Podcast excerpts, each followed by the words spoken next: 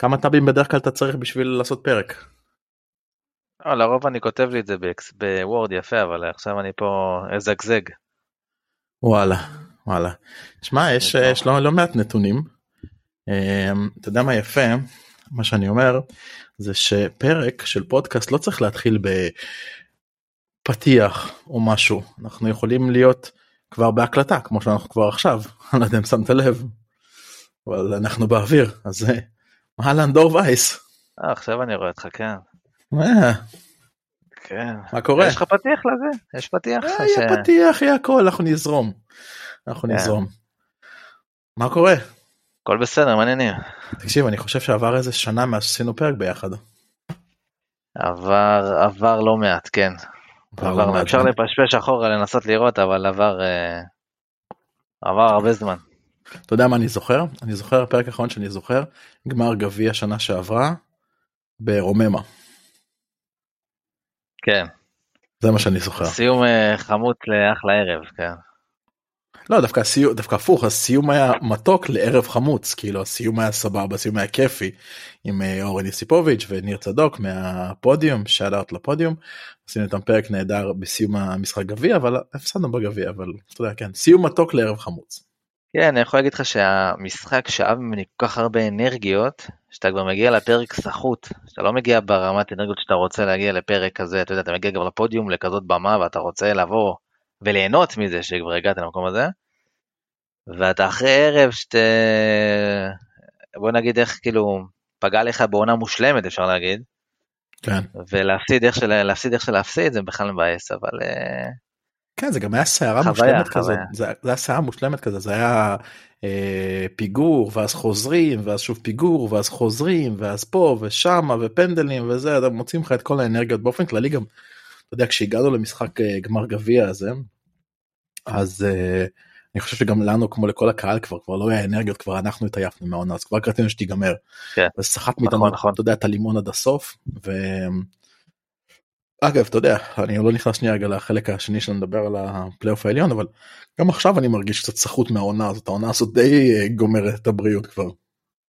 שמע, זו עונה, כמו שכולם אומרים, זו עונה לא רגילה, ובכלל תחשוב שבאמצע העונה פתאום יש לך חודש סיזיפי של מונדיאל, שאתה בא ואומר לה, אתה בא ואומר למשפחה, טוב, זהו, אין עכשיו, אין, אין מכבי חיפה, אין כדורגל עכשיו חודש, פתאום אתה בא, רואה שלושה, ארבעה משחקים ביום של מונדיאל, ואז אתה חוזר חזרה ל, לפרק ב' של העונה, זה משהו שלא רגיל, וצריך לצלוח אותו.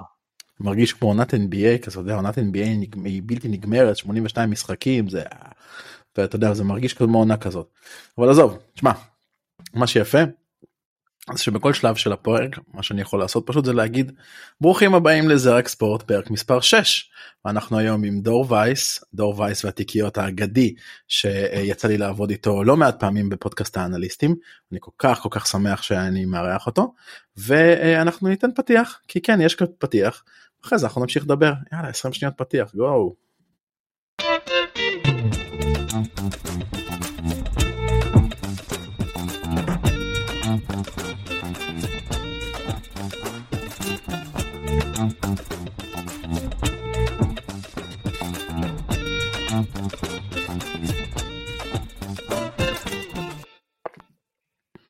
אהבת את הפתיח? מכניס, לה, מכניס לעניינים. groove groove קצת פאנק קצת גיטרה אתה רואה קטע הזוי לפני שני פרקים Riverside הוציאו לי את, את, את, הג'ינגל הזה ואני shit מה אני עושה בתור פתיח שמתי איזה שיר רוק כזה ו... אבל לא אני אוהב את הפתיח הזה. טוב אז כמו שאמרתי קיצר זה רק ספורט פרק מספר 6 עכשיו אנחנו מקליטים יום שישי בערב ולמה כי, כי, כי כל כך בא לי לדבר על כל הדברים שהיו היום והולכים להיות מחר ובא לי שיהיה לכם למאזינים אה, גם אחלה תוכן מחר בבוקר אני בטוח שלחלק מכם יש כלים כי בוא נדע את האמת למי יש כוח לעשות כלים בשישי בערב את הכלים של שישי. אה, עכשיו יגיד לי אבל יש מדיח. אה, ובטוח יש לכם נסיעות חבר'ה שמגיעים למשחקים ויש להם נסיעות נסיעות ארוכות יותר נסיעות קצרות יותר אז אנחנו הולכים לתת לכם איזה שעה פלוס או כמה שהתחשק לנו של ליגת האלופות פלייאוף עליון ובכיף ובזרימה. ועוד פעם ערב טוב דור וייס. ערב טוב, ברכות על הפודקאסט, שמח אה. להתארח פה. איזה כיף נעשה את זה נעשה את זה כמילה שנשחזר. קבוע. יאללה. אני, אשמח, נשחזר את. ההצלחה של האנליסטים, כן. אז אז זהו אז בואו בואו נעשה איזה ככה איזה שהוא אז באמת אתמול אה, אתמול? לא שלשום שלשום ביום רביעי האנליסטים שאנחנו שנינו אה, מקושרים לפודקאסט הזה באמת עשו פרק לייב עם קהל והיה סופר מרגש וכיף בפרדס חנה. ובאמת אה, דיברנו קצת על אה, סיכום ה... סיכום הליגה אה, הליגה הסדירה כמובן דיברנו קצת על נבחרי העונה אבל אה, בואו בוא ננצל את העובדה שדור פה איתי תן לי איזה תן לי איזה כמה שניות שלך על, אה, על הליגה הזאת עד כה איך, איך אתה מעכל את מה שהיה. תשמע כמו שהתחלתי להגיד ואני אגיד עוד פעם התחלנו את העונה הזאת שאתה יודע שבאמצע העונה מתחיל יש לך פתאום פגרה בנובמבר שיש פתאום מונדיאל בנובמבר ולא בקיץ שזה בכלל היה הזוי. ואז אתה רואה גם בהכנה של הקבוצות שהם ידעו שהם כאילו נותנות פיק מטורף של, אה, של חצי עונה, ואז יש פגרה של חודש, וזה בעצם אתה מתחיל עונה בתוך עונה. זה משהו שלא היה פה, וגם ראית את זה שאחרי הפגרה הקבוצות ככה מתחילות לאט לאט לחזור לכושר, ופתאום, אתה יודע, זה עוד עונה בתוך עונה. אה, אני יכול להגיד לך מהצד שלי כאוהד ירוק, זו הייתה עונה מטורפת, היה טירוף של משחקים, אתה יודע, לפני הפגרה, כל שלושה ימים יש לך משחקים שבתווך זה משחקים של ליגת אלופות, נגד עיירות אירופה, אתה חוזר לשלב הבתים אחרי שלא היינו הרבה שנים, וזה היה כל כך סזיפי, כל שלושה ימים, כל ארבעה ימים, משחק ומשחק, ואתה לא מספיק לנשום, ואתה, כמו שאתה אמרת, גם אנחנו בסוף נעשינו יפים. ועכשיו פתאום אתה חוזר למשחק פעם בשבוע, או בוא נגיד, אמרתי לנו בפלייאוף משחק פתאום באמצע שבוע, ויותר נינוח, יותר רגוע, אתה יודע, חוץ מהלחץ של סוף עונה וזה המאני טיים ולשם התכנסנו, הייתה עונה מיוחדת, היו משחקים טובים, היו משחקים עם הרבה גולים. אמ, ובינתיים אני חושב שאם אני, אני כאילו מנסה לחבר את הפרק א' ופרק ב', אני בינתיים עונה, עונה מפתיעה, יש גם הרבה הפתעות, אתה יודע, דברים שלא ציפו בעונה הזאת. אם זה, חושב... אתה יודע, מכבי חיפה ש... כן, אני חושב שמכבי חיפה כאילו מקום ראשון עם ליגת אלופות, וכל הסיפור סביב מכבי תל אביב והשחקנים שהם החזירו, וזה בוא נגיד זה לא כל כך הולך. ובתחתית שם קריית שמונה שפתאום, וריינה שפתאום מחברת ניצחונות ועולה מעל הקו, וביתר שהתחילה במקום האחרון, אתה יודע. ביכולת נוראית ופתאום הייתה נגיעה מפלייאוף עליון, יש הרבה הרבה סיפורים שאף אחד לא, בוא נגיד, לא, לא חזה אותם, ובינתיים, אתה יודע, זה הלחם והחמאה שלנו ואני די מרוצה.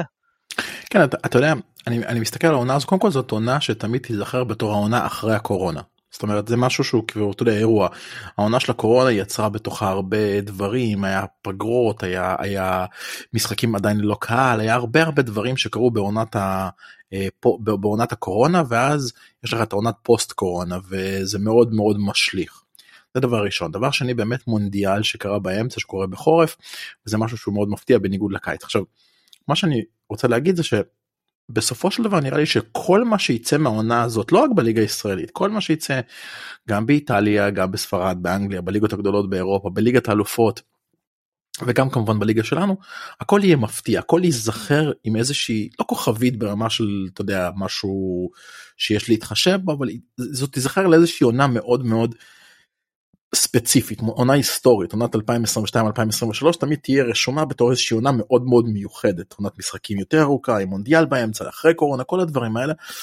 ו, ואתה רואה שבאירופה וגם בארץ קורים המון המון המון הפתעות בוא אני מבטיח לך שאף אחד לא חזה את התעופה המטורפת של ארסנל באנגליה אוקיי? בעיקר שקבוצה הייתה יחסית מדשדשת שנה בשנה שעברה. אנשים הופתעו בכלל שארטטה נשאר. אה, נכון. איטליה אף אחד לא ציפה לטיסה של נפולי.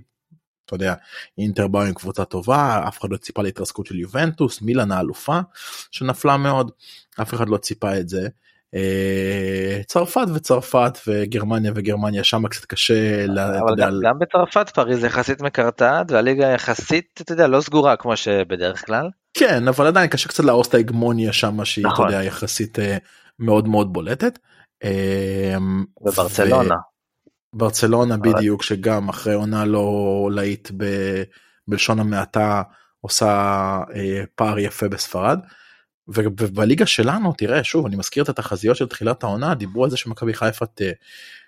בוא נגיד התחזית האופטימית הייתה שאנחנו נסיים באזור המקום השני בסיום הסיבוב הראשון אפילו נצא לכיוון פגרת המונדיאל באזור המקום השני בפער קטן מהמקום הראשון אף אחד לא ציפה שמכבי חיפה תהיה בפער של 10 ממכבי תל אביב שהייתה המועמדת המובילה אחרי כל פרויקט שוב אומנים. ואף אחד לא ציפה שבאר שבע תפתיע כל כך אני חושב שבאר שבע מפתיעים את עצמם שאגב חבר'ה שאנליסטים באמת דיברו ביום רביעי באירוע שהם באר שבע גם מרגישים שהם קצת מפתיעים את עצמם קצת אובר אצ'יברים כאלה לעונה הזאת. ו... ואתה יודע בעונה הזאת בסופו של דבר כמו שאומרים when the dust will settle שכל העונה הזאת תסתיים אנחנו נעשה איזשהו חשבון נפש ונראה בדיוק מה קרה בעונה הזאת זה עונה עם כל כך הרבה משמעות אני מזכיר גם לכולם שמי שלא זוכר מכבי חיפה נאבקת על כוכב נוסף בס, בסמל שזה אמנם אתה יודע אה, מאוד מאוד אה, מופשט אבל זה עדיין עם חשיבות מכבי חיפה נלחמת נגד הסטטיסטיקה של קבוצה ששיחקה בליגת האלופות לא לקחה אליפות. אה, איזושהי היסטוריה תקרה לכאן או לכאן וזה סופר מעניין סופר מעניין מה שקורה בעונה הזאת. כן תראה אני יכול להגיד לך גם ב...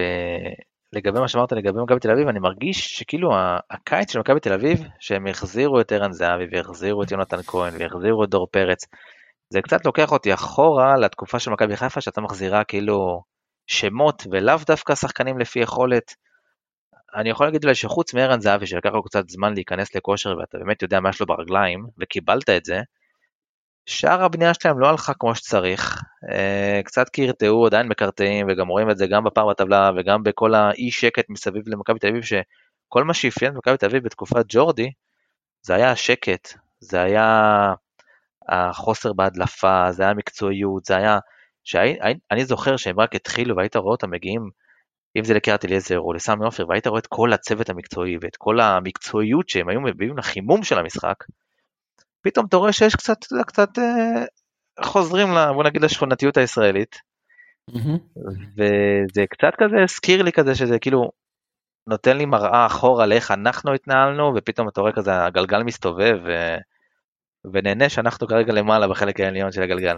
כן זה בדיוק מה שרציתי להגיד זאת אומרת קודם כל אני זוכר את המקצועית שאתה מדבר עליה אפילו אני יכול לזקק לזה את זה לאיזושהי נקודה אני זוכר איזשהו משחק בסמי עופר לפי דעתי זה אפילו היה 4-3 אני לא בטוח אבל אני זוכר השחקנים עלו לחימום והשחקנים שלנו אתה יודע עושים את החימום שקבוצות ישראליות עושות הם רצים הם בועטים הם מתמסרים ביניהם משחקים 2-3 אה, באמצע כל מיני דברים כאלה בעיטות לשער.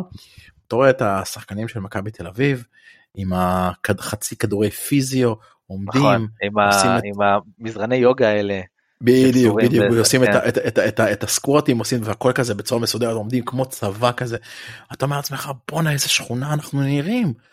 לא יכול להיות שאנחנו נראים כזה שכונה עכשיו עוד דבר אתה יודע מכבי חיפה בעשור השכון שלה היינו קבוצה מאוד מאוד רספונסיבית זאת אומרת היינו מגיבים למה שקורה לא היינו יוזמים היינו מגיבים למה שקורה פה אתה אתה יש אתה, אתה לא רק מגיב אתה כבר יוזם. אתה יודע קח דוגמאות בנושא של העברות. פלניץ' אאוט תוך שניות היה לך סג דילן כאילו כבר מוכן. זה יוצא אתה יודע חזיזה חזיזה היה חשד חשד חשד קטן שאולי הוא יפצע להרבה זמן שיבוט הנחת יומיים לאחר מכן.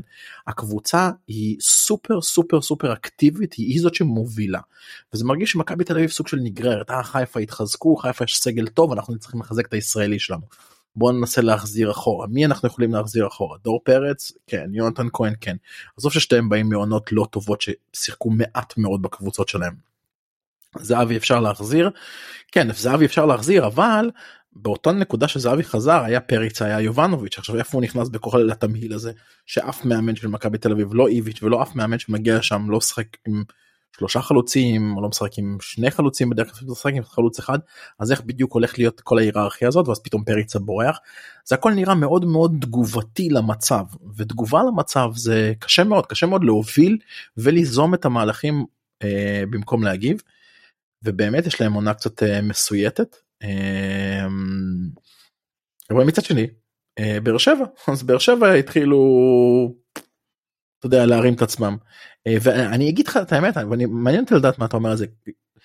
באר שבע קבוצה שקצת קצת מוז... קשה לי לאכול אותה. כאילו אני לא יכול לבוא ולהגיד טובים לא טובים יציבים לא יציבים. זה נראה שהסגל שם הוא תמיד רגע אחד מלהתפרק אתה יודע זה מרגיש לי כמו עגלה כזאת עגלה של סוס שהגלגל למטה הוא לא באמת מתגלגל בצורה ישרה אלא הוא כזה כזה זז קצת הצידה אתה יודע עוד שנייה כאילו בורג משתחרר וכל הגלגל הזה נופל זה מרגיש ככה אבל אבל אבל הגלה נוסעת זאת אומרת היא מגיעה ליעדה. אה, איך איך אתה רואה אותה מבחינת אה, העונה הזאת. תראה, תראה, כמו שאתה אומר, באר מאוד מפתיעה, כי גם כשהיה את כל הטירוף בקיץ של, של מכבי חיפה אה, בליגת אלופות, כאילו במוקדמות ליגת אלופות, אתה יודע, ומכבי תל אביב עם כל הרכש הזה שהם החזירו שמות גדולים, אף אחד לא לקח בחשבון את הפועל באר שבע. כאילו אם אתה שואל את, את, את כל מי, כל אוהד נגיד, מי תיקח אליפות, סביר להניח שהרוב הגדול אומר או מכבי חיפה או מכבי תל אביב, כמעט ואף אחד לא לקח בחשבון את הפועל באר שבע. ומה שאני חושב מייחד את הפועל באר שבע, מעבר לזה שהם באים כאילו כביכול התחילו את העונה כאנדרדוג ו... ואף אחד לא ספר אותם, שזה גם היה הרבה, נתן להם כאילו, בוא נגיד שקט תעשייתי ונתן להם לאט לאט להתקדם ולהתקדם ולהתקדם, וגם תחילת עונה, דרך אגב, תמיד זה היה כזה ראש בראש מכבי חיפה מכבי תל אביב, תמיד באר שבע הייתה כזה מקום שלישי, ופתאום התחיל לטפס, אבל הם, יש להם, אם אני מסתכל שנייה על הסגל שלהם, הוא, אתה יודע, אני לא אגיד לך הוא הסגל הכי טוב בליגה, או אפילו, לא יודע, מקום שני בליגה, אבל הם, ברדה עושה, מה, הם, כאילו, הוא מציב את השחקנים בעמדות שהם צריכים להיות פר משחק, והם עושים מה שצריך לעשות. גם בוא נגיד אם תיקח נגד קריית שמונה המשחק האחרון שהם לא היו צריכים לנצח, הם בסוף עשו מה שצריך כדי לקחת את השלוש נקודות. הם כאילו בוא נגיד הם היו רעים וניצחו. זה כאילו מה שאני רואה את האיכות של באר שבע, אם אני זוכר את באר שבע של רוני לוי ואריק בנאדו, חצי סיבוב ראשון הם סיימו בלי הפסד, ושיחקו מזעזע. רוב הגולים שלהם היו מנייחים, מקרנות, מפנדלים. לא שיחקו כדורגל שוטף, כן, בדיוק לא שיחקו כדורגל שורף, אבל עדיין היו, היו שם, היו במקום הראשון, במקום שני, והיו שם עד, עד הקריסה, אתה יודע, עד, עד הקריסה לקראת הסוף שכבר רוני לוי הלך והם באמת קרסו בסוף. ואתה רואה שהשנה ברדה לקח את הקבוצה של רוני לוי, חיזק אותה בעוד כמה שחקנים שהם לא בהכרח כוכבים בליגה, אבל שחקנים טובים כמו שי אליאס, או אה, רותם חתואל שפתאום יצא ממנו משהו, הרכיב אותם בתמהיל הנכון, ועכשיו הם גם משחקים כדורגל שוטף, וגם כשלא הולך, הם יודעים לקחת את הנקודות.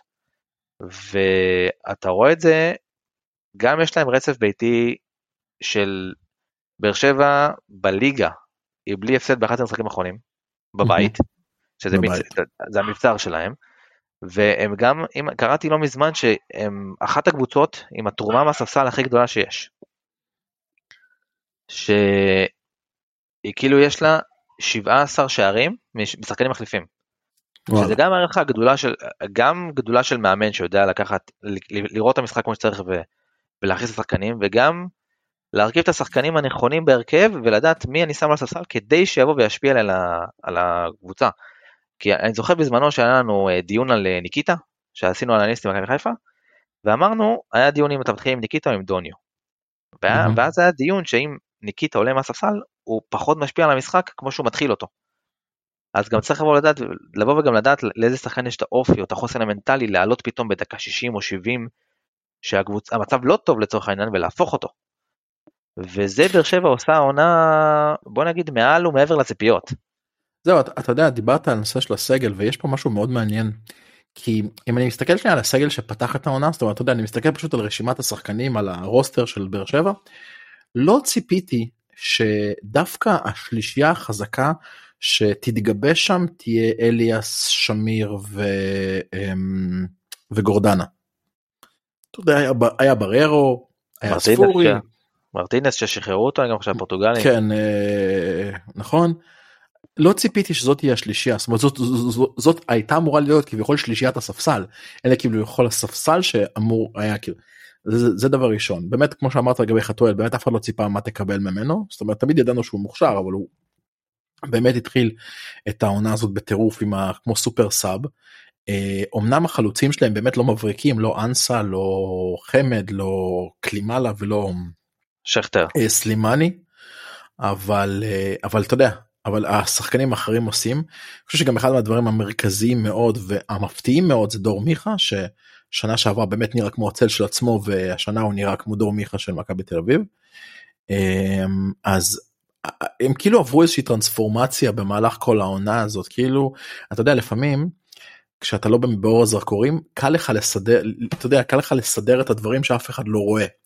כי אתה יודע שידברו על מכבי חיפה אז מכבי חיפה משכה את כל האש וליגת האלופות ו, ו, ופריז ויובנטוס ו, ופה והגרלה ואולימפיאקוס וטה טה טה טה ומכבי תל אביב משכו את כל האש וזהבי ואיביץ' כן טוב לאיביץ' לא טוב לאיביץ' אה, מחליף מאמן אה, דור פרץ יונתן כהן לא טוב ואז באר שבע אתה יודע יושבת אתה יודע, כזה באיזה פינה חשוכה שאף אחד לא יותר מדי שם שם את הפנס ולאט לאט בונים ולאט לאט משפצים ועוד משחק ועוד משחק ועוד משחק ופתאום השלישיית קישור הזאת מתגבשת. ופתאום הם נהיים יותר טובים פתאום נהיים חזקים. ואתה יודע מתי זה כאילו אני חושב שזה מתי זה יתפוצץ? באופן פרדוקסלי זה יתפוצץ בהפסד שלהם לנו פה בסמי עופר. כי שמה פתאום ראית את כל התמהיל הזה שהוא בנה ראית את החסינות ראית קבוצה שמגיעה לסמי עופר ויושבת לנו על מרכז המגרש שאם זה אולי השינוי הכי גדול למכבי חיפה ב... אתה יודע, בשנים האחרונות שזה באמת חיזקנו את מרכז המגרש והפכנו להיות אלה ששולטים במרכז המגרש תמיד שלטו נגדנו ובא לפה קבוצה ושולטת ו- ונותנת לנו קצת אפילו כסח ברמת, ה- ברמת האינטנסיביות ואז אתה ראית אה אוקיי זה מה שהם עשו זה מה שהם בנו שם. המשחק הזה שאתה מדבר עליו זה משחק שבניגוד למה שאמרתי מקודם באר שבע שלטו ונתנו את הטון והגיע לנצח, ועדיין הם הפסידו את המשחק. בניגוד לכל מה שייך להם העונה.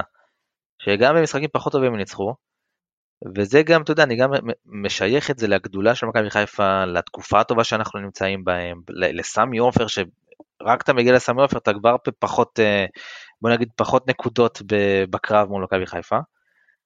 אבל כמו שאתה אומר, באמת, היה שם שקט תעשייתי שנתן לברדה גם אני אגיד לך גם, גם עוד משהו שגם אמרתי אז בפרק עם, אה, בפודיום, שברדה ביסס לעצמו איזשהו מעמד, שגם בתוך באר שבע, שגם אם פחות הולך לו, אף אחד לא יגיד לו וואלה אה, לניב הכיסא שלך פה מתחיל לרעוד. כאילו יש לו את השקט מה, מה, מההנהלה, יש לו את השקט מהמועדון, הוא סמל במועדון הזה, הוא יכול לעשות מה שהוא רוצה ויש לו גם את, את הזמן ואת השקט לבנות את מה שהוא רואה לנכון, שזה שונה מאוד בהרבה מועדונים אחרים בארץ. כמו שאתה רואה היום את כל הטיילת מאמנים שיש לנו, שמשחק 2-3 לא הולך ואז יאללה המאמן כבר פה כבר מאמן אחר כבר דופק בדלת להחליף אותו.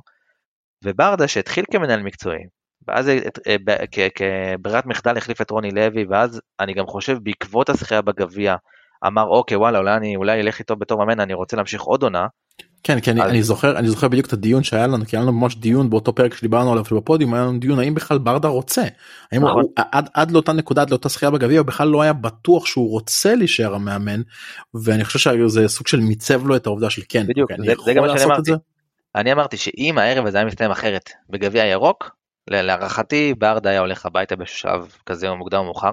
אבל עצם זה שהוא כבר טעם את טעם הזכייה ואמר אוקיי כנראה עליתי פה על איזה משהו אני נשאר וגם כמו שאמרתי יש לו כוח בהפועל באר שבע, אתה לא כוח רע, כן? כוח במובן החיובי, שהוא יכול להרשות לעצמו להגיד אוקיי לא הולך לי משחק 2-3 אף אחד לא יבוא ויגיד לי אוקיי יאללה לך הביתה.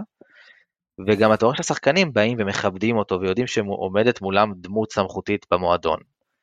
ולראיה הכל עובד, אין שם פרצופים, אין שם, ממה שאני יודע, כן, ממה שמשקפים לנו, אין מחנאות, אין בלאגן, זה הכל כזה די יחידה אחת, ומצליח להם. תשמע, גם מקום שני עם סגל כזה, הרי זה כרגע, אתה יודע, זה יחסית, זה הצלחה עם כוכבית, כי הצלחה, בוא נגיד למועדונים באר שבע זה תואר בסופו של דבר. כן. אבל אני חושב שהם כרגע עומדים בניגוד לציפיות שהם חשבו לעצמם, ובואו נקווה שאתה יודע שזה יישאר ככה. לא. כן, כן אתה יודע אתה יודע באמת מה שאתה אומר זה נכון כי הקבוצה שהיא לא מבריקה קבוצה שהיא לא טובה אה, ברמת היכולת שלה אבל עדיין מנצחת את המשחקים נגד קבוצות יותר גדולות נגד קבוצה באמת כמו מכבי חיפה באר שבע כן הייתה צריכה גם את האקסטרה זאת אומרת בוא נגיד אם היה להם חלוץ יותר טוב אם היה להם שחקני הכרעה יותר טובים אז הם היו כנראה גם מנצחים את המשחק הזה או לפחות לא יורדים אה, בהפסד והטוב וה, שלהם מול הלא טוב שלנו עדיין לא הספיק להם לעשות את הכאילו את הקפיצה הבאה. אה, למרות שמאז הם התחזקו ומאז כמה שחקנים נכנסו לתוך הרוטציה וכמה שחקנים יצאו מתוך הרוטציה. אז בוא בוא נעשה שנייה איזה איזה כזה איזה רגע צעד אחורה. אז פלייאוף עליון מתחיל. פלייאוף עליון מתחיל ביום שבת אה, ושלושת המשחקים של הפלייאוף העליון שלושתם משוחקים אה, ממש על פי סדר 3 5 ו8 בוא נתחיל עם המשחק הראשון כי אנחנו מדברים על באר שבע אה, אז באר שבע פוגשת את הפועל ירושלים ואני חושב שהדבר המרכזי שאנשים אה, רוצים לדעת או רוצים לשמוע מבחינת נתונים או מבחינת גם תחושות שלנו זה עצם העובדה שהמשחק הוא בשלוש. ומשחקים בשלוש בעיקר של הגדולות העונה זה איזשהו מוקש ידוע כבר גם אצלנו גם אצל מכבי תל אביב. Uh, השאלה האם באר שבע באמת uh, גם יכולים להתמודד עם הדבר הזה. תשמע, כמו שאתה אומר, לי זכור תמיד משחקים שבשעה שלוש, שזה לא, זה תמיד, דרך אגב, היה גם אה, נס ציונה, מכבי תל אביב, אם אני לא טועה, בשעה שלוש, וגם הלך לכיוון הפתעה. אה, אפשר לשייך, כן, אפשר גם לשייך את זה לסגל יחסית חסר שיש להפועל באר שבע בתחילת הפלייאוף. אה, אם זה קצת פציעות ועניינים, ו... בוא נגיד שברדה מקבל נגיד את שגיב יחזקאל ואת בררו, שלא שיחקו, היו מורחקים, אז הם מקבלים, אבל מצד שני, אמ, חסרים להם שחקנים אחרים, שאני לא זוכר את מי זה היה. ספורי חסר?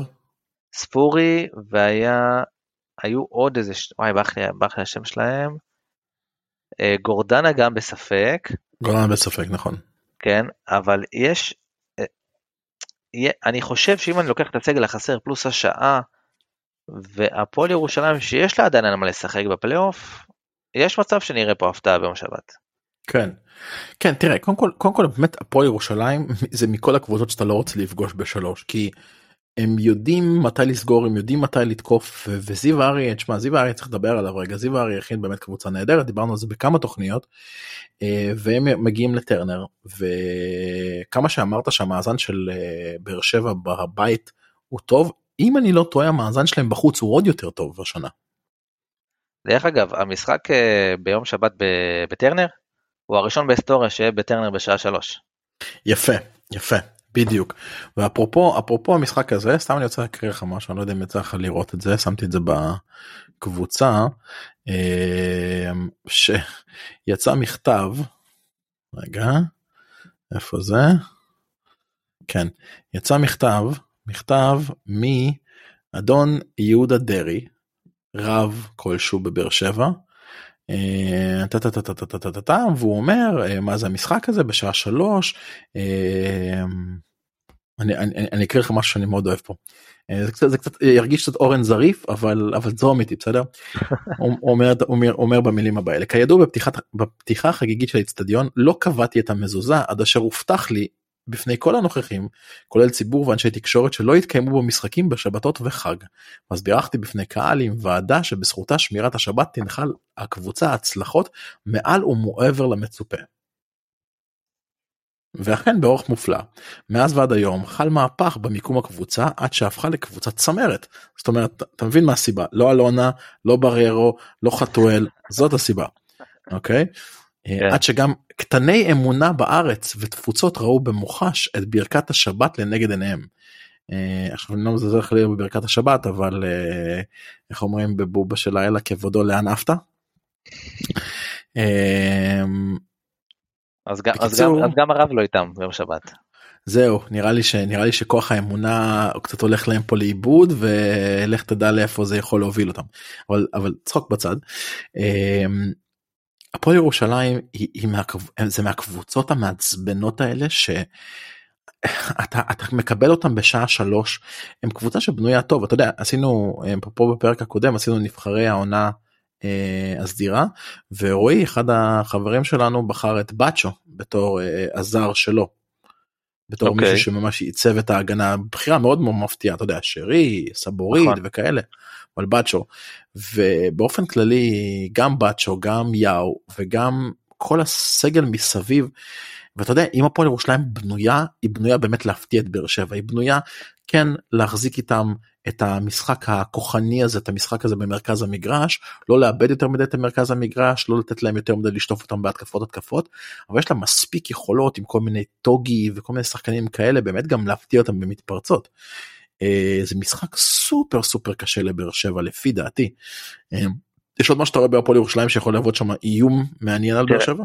תראה, קודם כל לגבי טוגי אני חושב שהוא טס לחוף השנהב, זה משהו משפחתי והוא לא נשחק יום שבת.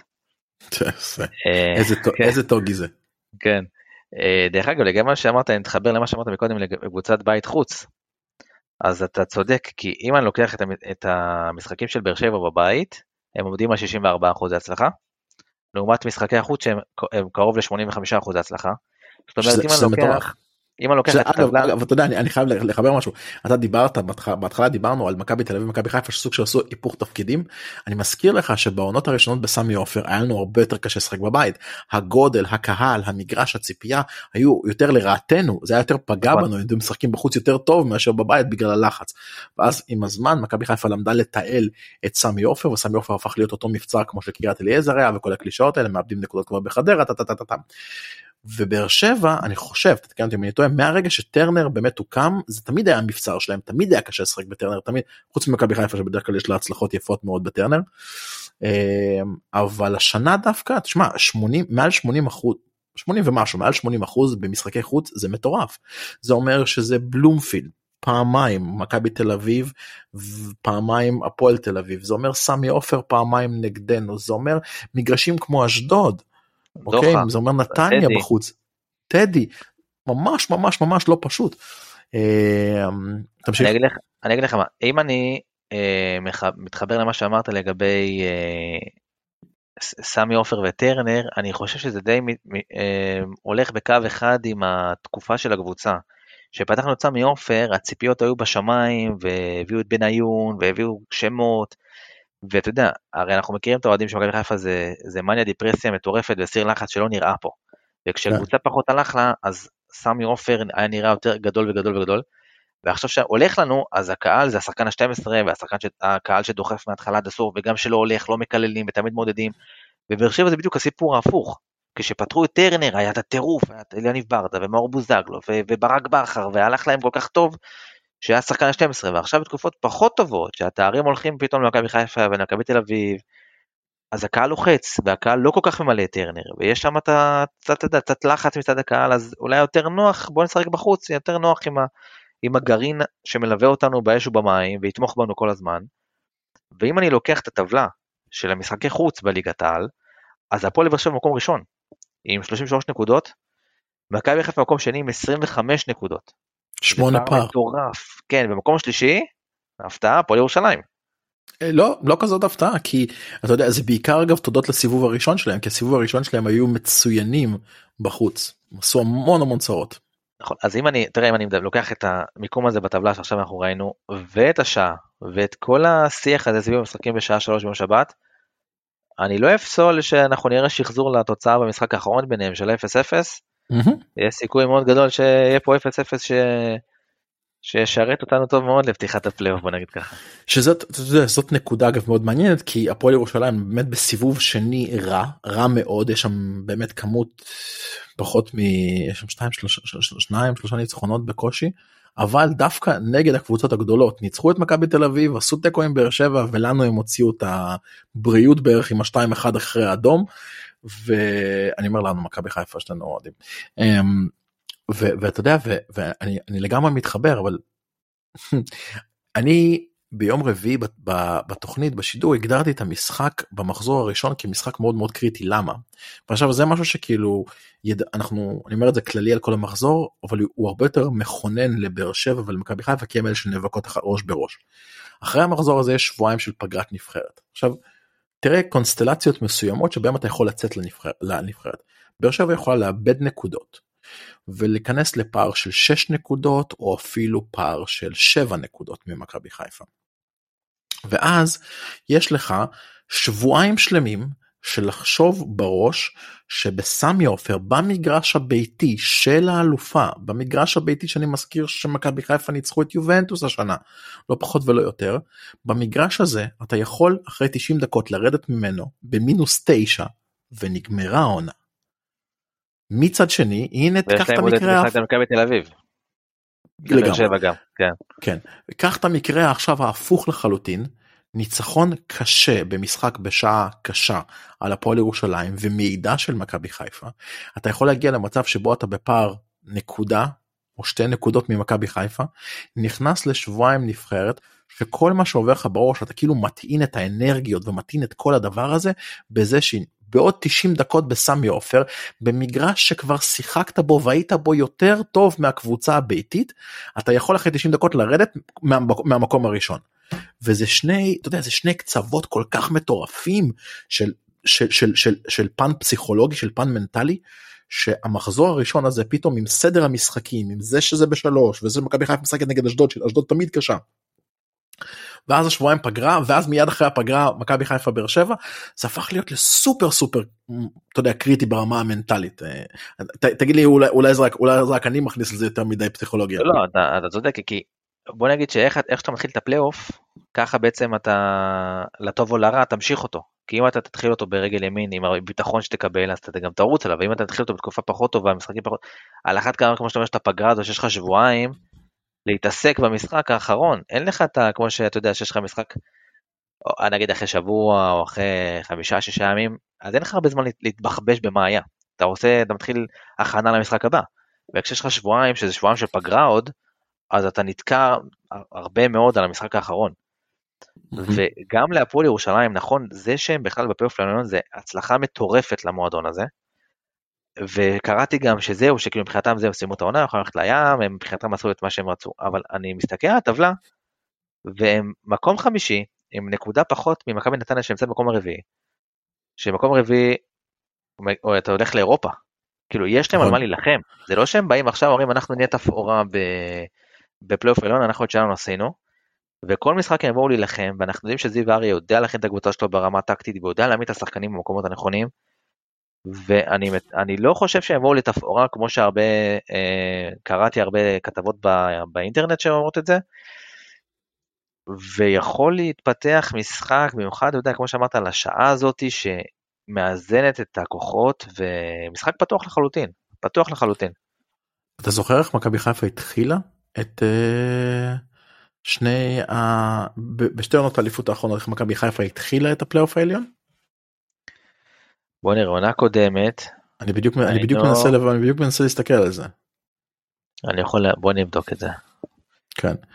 אז אני מה שאנחנו עושים בעצם לבדוק זה לראות איך מכבי חיפה התחילה את הפלייאוף העליון גם בעונה הקודמת וגם בעונה לפני זה. כי זה מאוד מאוד מעניין לראות באמת איך אנחנו פותחים את הפלייאוף העליון. רגע מכבי חיפה הייתה נגד הפועל תל אביב בשנה שעברה נכון זה היה ב... אני חושב שפתחנו יכול להיות שפתחנו נגד מכבי פתח תקווה? לא לא הגיוני. רגע בוא נבדוק. שלישי באפריל. יכול להיות? מכבי פתח תקווה בפלייאוף העליון שנה שעברה? לא נראה לי. לא לא לא לא לא. ירדו ליגה. לא ירדו ליגה בדיוק לא הגיוני. אה, לוח המשחקים פה לא זה. בכל מקרה בזמן שאתה מסתכל על זה אני אמשיך ואני אגיד שיש אמ, משהו מאוד מאוד מעניין במשחק הזה אה, ואתה יודע מה? אה, באופן מעניין אתה יודע אם אני רוצה להיות בכיסא הנהג אז אני רוצה להיות הקבוצה הראשונה שמשחקת במחזור במחזור הראשון של הפלייאוף העליון כדי אחרי זה לקבוע את הטון. כי אתה יודע אה, מכבי חיפה משחקת ראשונה ומנצחת לצורך המקרה אז באר שבע כבר עולה למגרש היא בפעם במינוס 7 ומכבי תל אביב עולה למגרש היא במינוס 13 ועכשיו לכו תתמודדו עם זה. אני מזכיר אז אגב את אותו משחק נגד אשדוד של מכבי חיפה אותו משחק מכונן אתה זוכר שעלינו עליו תכלס כבר במינוס 4. ואז ניצחנו 3-0 שם שם עם השער של יובל אשכנזי וחזרנו למינוס אחד בסופו של דבר רצנו לאליפות. אמ, אז מצד אחד אני מעדיף להיות זה שמוביל את הפלייאוף העליון מבחינת הסדר משחקים אבל דווקא במקרה הספציפי הזה אני לא כזה בטוח שלשחק אחרונים ביום שבת בא לרעת בא לרעת מכבי חיפה. זה גם מתחבר לזה שיש לך, לך כרגע פער של פלוס 4 זאת אומרת נכון. גם אם באר שבע מנצחים תראה נגיד אתה עכשיו לוקח פער של נקודה או שתיים פחות משחק בסדר ובאר שבע מנצחת בשעה שלוש, אתה מגיע בשמונה וחצי מהמקום השני. ואז מתחיל כל ה... אתה יודע, אתה מתחיל החגיגה והעניינים וכל הלחץ. כן, כל דקה שעוברת ולא קורה משהו אז אתה, אתה, אתה בסטרס קשה. מסכים לגמרי. מעניין, מעניין מאוד. מצאת את זה? אני עדיין פה אומר, פש... האינטרנט קשה לו בשעה הזאת של הלילה. כן כן אה, גם האינטרנט גם כנראה מושפע מהברכה של הרב גם הוא לא כנראה בהצלחה. איי איי איי מה אני אגיד לך.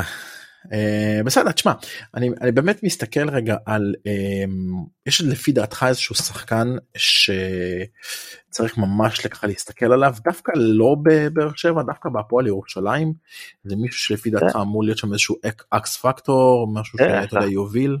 השחקן שמבחינתי הוא כמו שאתה אומר ה X factor של הפועל באר שבע והמנוע שלהם זה גיא בדאש שנותן אחלה עונה. כן. גם מסומן לקבוצות הגדולות כי נגמר לו חוזה בקיץ.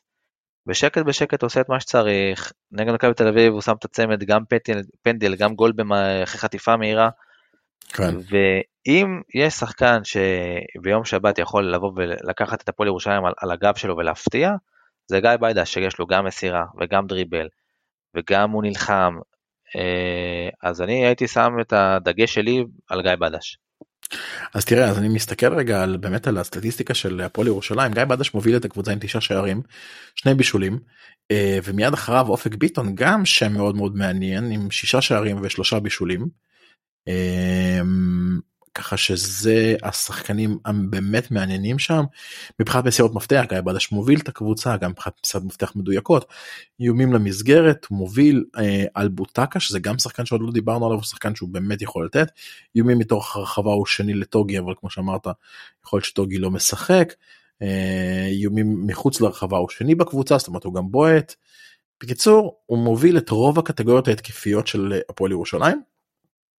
גיא בדש הוא בהחלט בהחלט בהחלט יכול להיות איזשהו X factor uh, הכל תלוי גם כמה כמה באמת הפועל ירושלים ינסו לבודד אותו כמה הם ייתנו לו לנסות לשחק להניע את הקבוצה מהקישור וגם כמה הם לא יפחדו יותר מדי מהלחץ ומה, ומהפרס שכנראה באר שבע תרצה להפעיל עליהם בבאר שבע ובטרנר. Um, טוב אם לא מצאת את זה אנחנו נדלג הנה, ואנחנו. מצאתי. כן. יפה. אז אנחנו התחלנו את הפלייאוף העליון שנה שעברה בסמי עופר, משחק נגד הפועל תל אביב, 3-0 חלק. מחזור שני הפועל באר שבע הגיעו לסמי עופר, וניצחנו 2-0. ואז יצאנו לבלומפילד, בלומפילד, ו-1-1 עם, עם שרון שרי, דקה נכון, 90 ומשהו. לקלאזו. אז בוא נגיד שאני קונה שחזור של uh, שלישייה כזאת של תוצאות. או חד משמעית בדיוק, בדיוק גם באותם תוצאות תודה תן לי אותו אותו כן. דבר אותו דבר 3-0 2-0 1-1 קניתי. כן.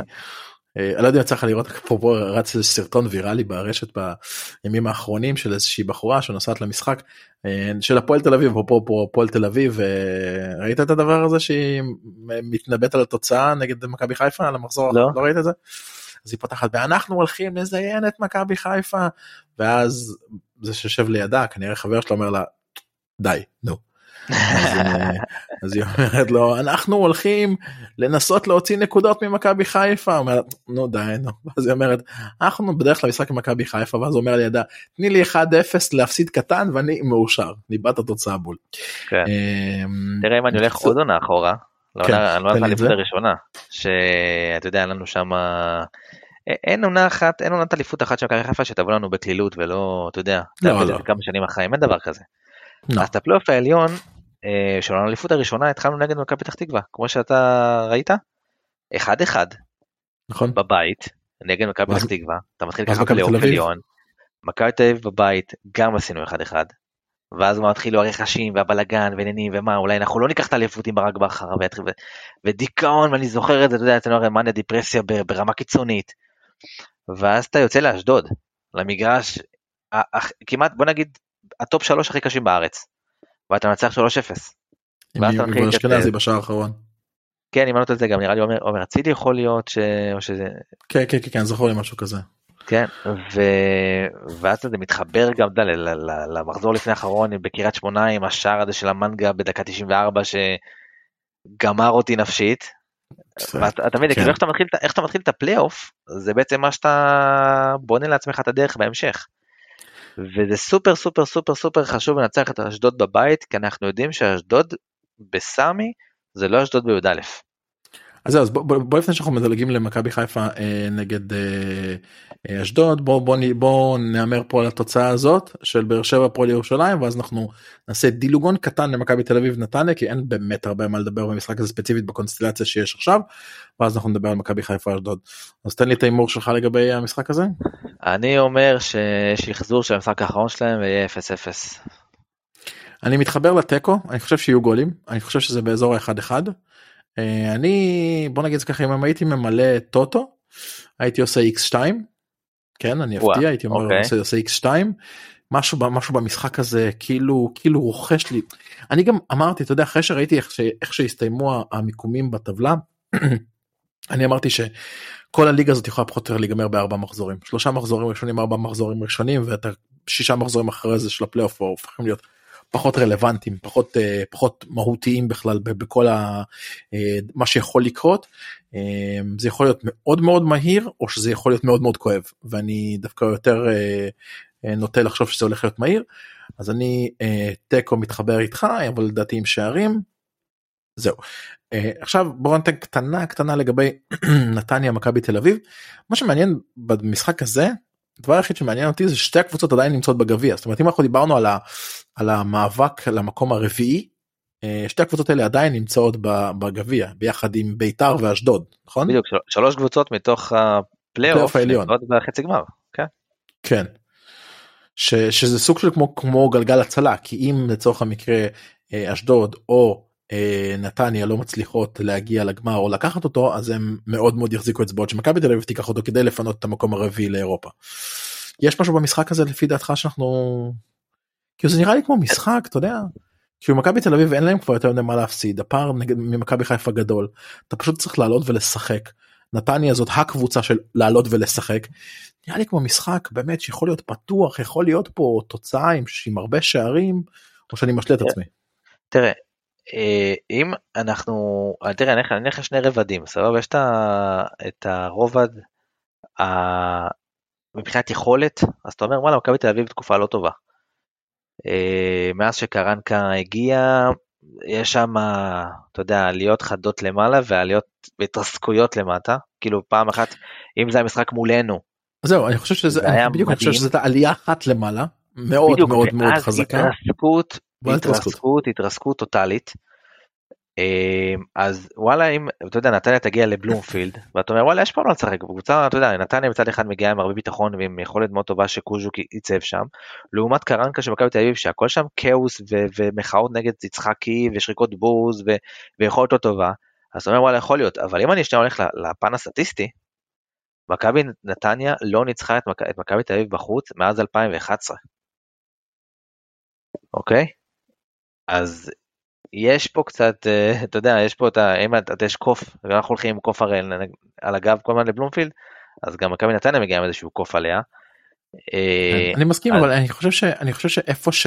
באופן, תראה, מכבי נת... מכבי תל אביב התקפית לא מבריקה היא התקפית היא מבט... היא, היא כובשת את השערים אבל היא התקפית לא מבריקה ונתניה חלשה הגנתית יחסית חלשה הגנה שלה גם ראינו את זה נגד אשדוד בסיבוב במחזור האחרון של הסיבוב ה... של סיום הליגה.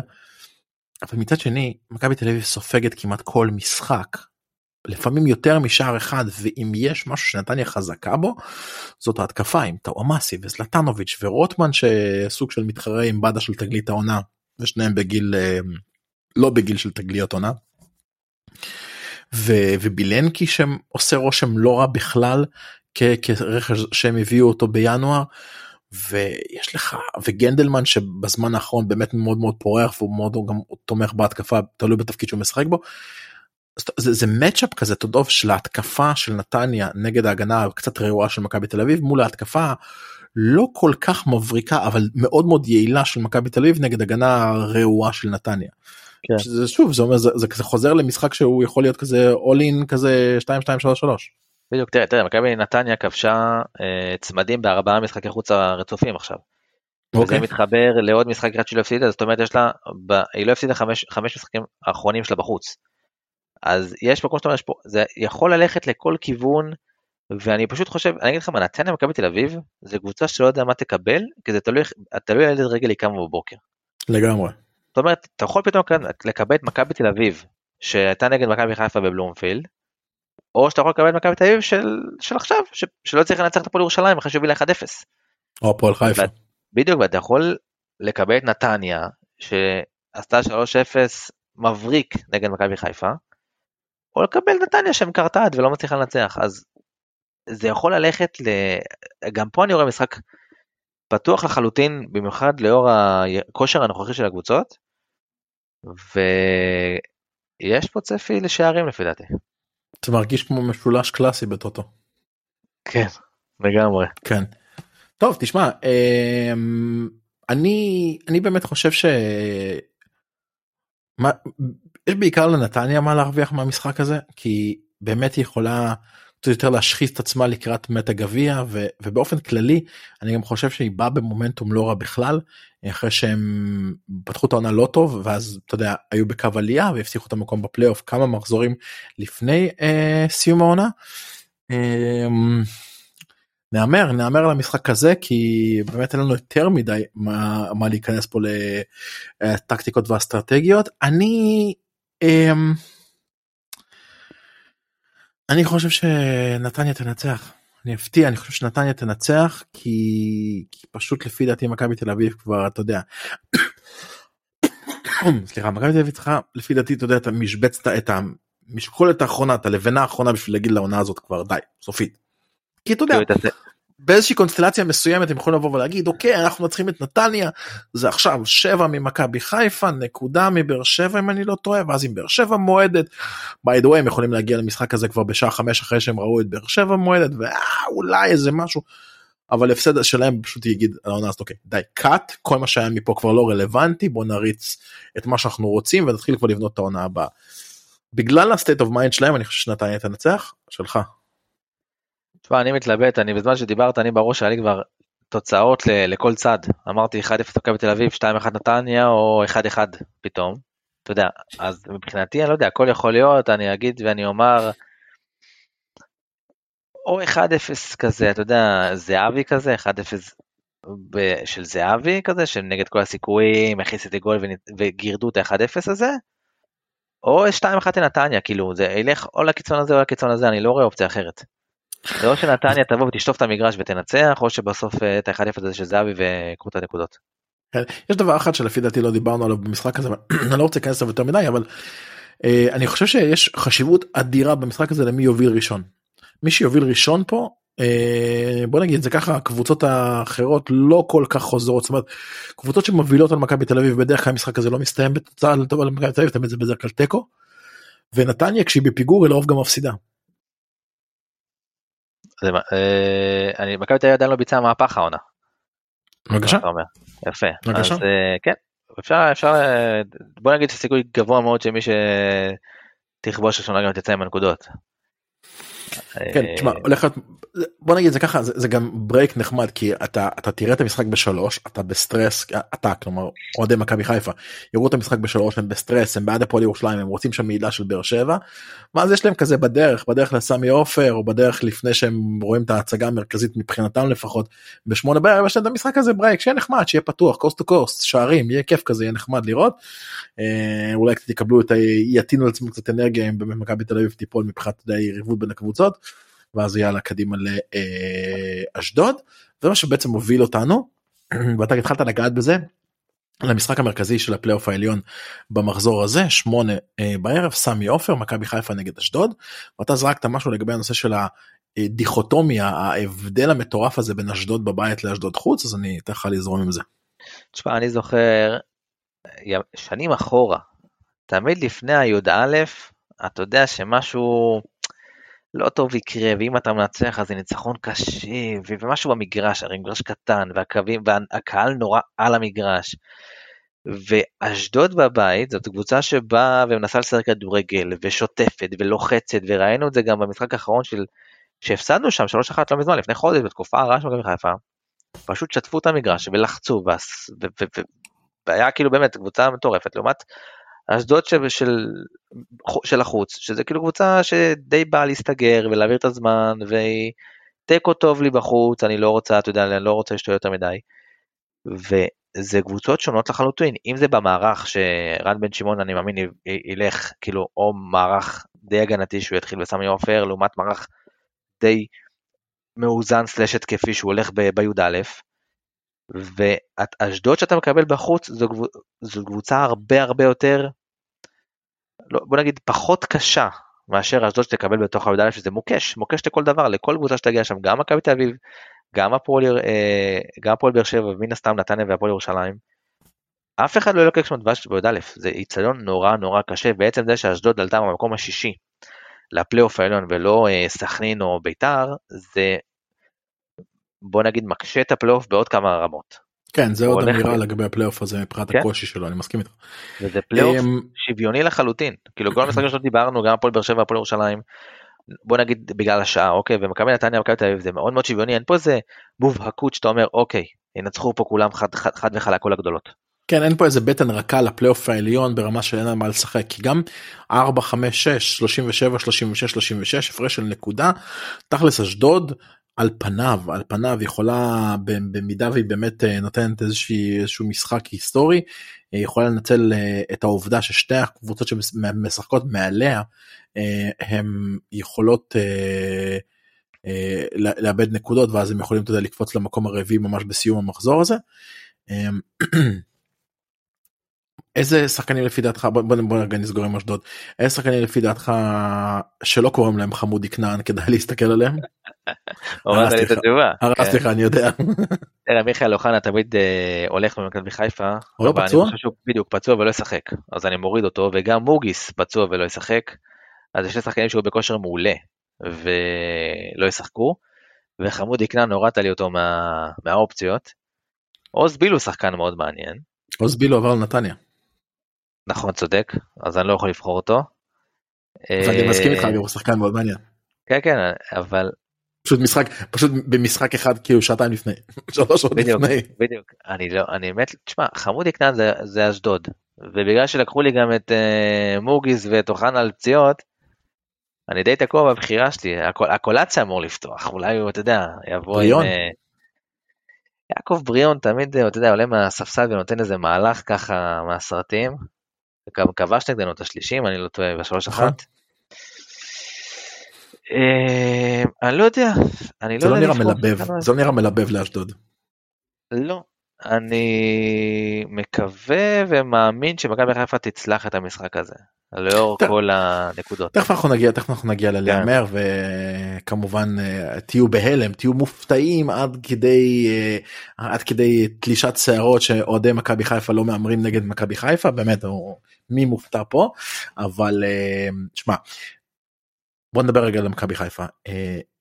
קודם כל הדבר שאותי אישית מעניין זה קודם כל נושא הפצועים ומעבר לזה ומעבר לנושא הפצועים נושא המערך. כי אם יש משהו שמכבי חיפה לימדה אותנו בכמה מחזורים האחרונים בשלושת המחזורי בוא נקרא לזה שלושת מחזורי התנופה חזרה לתוך הכושר שלנו זה באמת המערך ה-all in הזה כאילו לכו תשתוללו אני קראתי לזה לפני כמה מחזורים כמו מורה לספורט שנתן לילדים כדור ואנחנו קחו תשחקו כדורגל כאילו כזה דבר. אני מתלבט אבל האם מכבי חיפה יכולה בכלל לפתוח ככה במשחק נגד אשדוד ספציפית לאור העובדה שיש לנו מספר חיסורים מאוד מאוד מהותיים. כן, תראה, קודם כל, מבחינת החיסורים שאנחנו יודעים עליהם, זה סונגרן במוצב, לא ישחק. ויש לנו את אה, עלי מוחמד ואת שון גולדברג שהם פצועים. עכשיו, בגלל ששון פצוע, אתה מרכיב שני זרים. בעצם אתה מרכיב שני זרים בהגנה, ואז בימים כתיקונם כשסונגרן אה, כשיר, אז אתה צריך לוותר על זר אחר. אבל היום, בוא נגיד שסונגרן עכשיו עשה את החיים קלים לברק, כי הוא לא צריך לוותר על פיירו נגיד בהתקפה. וזה יכול ללכת לשני כיוונים. או שהוא פותח עם רז מאיר כמגן על מגן, ואז הוא יפתח את המערך הרגיל של 4-3-3, או שהוא יחליט לחזור לדולב חזיזה כמגן ימני. ואז אני יותר נוטה למערך של אולי 5-3-2, או אתה יודע, איזשהו מערך כזה שבכר ילך פתאום עם סבא בצד שמאל וחזיזה בימין ואצילי מתחת לחלוץ, וכמו שאתה אומר, אנחנו עד ש... גם ברמה שאנחנו, גם שאנחנו מקבלים את ההרכבים לפני המשחק, אתה אומר אוקיי זה יהיה המערך, ואז בעצם מתחיל המשחק אחרי חמש דקות אתה רואה שבכלל מערך שונה לחלוטין. כן, אתה יודע מה היופי? אה, זהו, אני רוצה קודם כל ככה להגיד אה, סתם טיפ קטן למי, לצופי הכדורגל. אה, אם יש דרך טובה לראות מערך זה בשריקת הפתיחה. בשריקת הפתיחה יש דרך טובה לראות מערך ממש שחקנים עומדים כמו תעתיק כמו שממש בונים על לוח את הלוח של גוטמן כמו שהוא אוהב עם, כן. עם, עם אם המגנטים אני, שלו. אם אני ברק בכר, אם אני ברק בכר בדיוק. אז תראו, תמיד תראו בדקה הראשונה מערך מסוים אבל ואני בכוונה שם פה איזה כוכבית ענקית יש לקבוצות נטייה לשים את עצמן בשריקת הפתיחה בדיוק במערך הלא נכון כדי ששנייה אחרי זה לשנות את זה מין טריק כזה של כאילו לא אף פעם לא עובד על אף אחד כי מאמנים כבר מכירים את זה. אבל הרבה פעמים אנחנו רואים את מכבי חיפה עומדת בנגיד אתה יודע הרכב שהוא קלאסי לאיזה 352 או 523 ואז הם עומדים ב433 אתה אומר כזה רגע מה, 5 מגן ואז שנייה אחרי זה אתה כאילו אומר אוקיי אוקיי הבנתי הבנתי סתם עשו לנו פה איזושהי עבודה בעיניים. אני רוצה רגע לדבר על נקודה של רז מאיר לפי דעתך נטו אני שואל את דעתך אתה חושב שהוא ייתן לרז את הימין או שהוא ינסה קומבינות אחרות אה, כמו שאמרת חזיז או כל מיני דברים כאלה. תראה אם, אם אני לא זוכר מתי זה היה לפני כמה מחזורים קדימה אחורה רז יצא דקה 30 ו... קיבוטה נכנס במקומו. כן והתעצבן ולא אתה יודע היה איזה היה איזה סוג של אה, שבספסל ולא תראה עכשיו דקות משחק. אני לא יודע להגיד לך כי אם אתה הולך על רז מאיר זה הקלאסי ארבע בהגנה אתה רץ עם אול אה, בהתקפה או השלוש שלוש אתה יודע הרגיל שלנו. ואם אתה רוצה טיפה לצאת מהקופסה ואומר אוקיי נשים את חזיזה ימין אבל מה אתה עושה כאילו אין לך את שון שיהיה את הבלם השלישי. נכון וקורנו הוא פרופר מגן. הוא כן, מגן, מגן. גם אין לך סונגרן כאילו שיכול כאילו מעמדת המגן לזוז אחורה רגע לעמדת הבלם השלישי. אז לקחת את חזיזה לשים אותו מגן ימני בקו של 4 זה הימור. ונגד אשדוד שיודעת לעקוץ את המתפרצות האלה. זה הימור שאני לא חושב שברק ייקח אותו במחזור הראשון של הפלייאוף שיש עליו כל כך הרבה משקל. אה, אני חושב שהוא ילך על רז וימין. אה, אבל אתה יודע, כמו שאנחנו נכונים לדעת במהלך כל העונה הזאת, מה שאנחנו אומרים היום זה יכול להשתנות מחר ויכול להשתנות דקה לפני המשחק גם. אבל אני חושב שרז כן ילך על קו ימין, הוא יעלה במערך הרגיל, אני לא חושב שהוא יעלה מחר במהלך אול אין כזה של אה, עלי מוחמד, אה, לא עלי מוחמד, אה, ג'אב, אבו פאני לבד וכולם למעלה. אני חושב שהוא יותר יאזן את זה עם ג'אבר ועם אבו פאני באמצע, מעליהם שרי כאן אם הוא כשיר, ושלישייה כנראה, אתה יודע, כנראה סבא, אצילי וחזיזה כנראה, אולי סבא חלוץ, שזה יהיה מעניין לראות כן, תשמע זה מעניין מה שאתה אומר לגבי חזיזה כי חוץ מהעובדה חוץ מהריסק הזה של לשים אותו ב, על קו ימין במערך של uh, 4 גם הקולציה אם הוא פותח הוא פותח עליו זאת אומרת זה הולך להיות המצ'אפ. הקולציה חזיזה. כי הקולציה נכון. משחק על שמאל וחזיזה כאילו על ימין אז זה גם איזושהי נקודה וכמה שאני מפרגן לחזיזה הגנתית לפי דעתי רז עדיף בנקודה הזאת. אני באופן כללי אגיד שאני אני פחות אוהב אלתורים פרועים מדי פרועים מדי זאת אומרת גם אתה יודע נזכרנו שלו במשחק נגד פריז שמה שלא היה לנו את לא היה לנו ימין.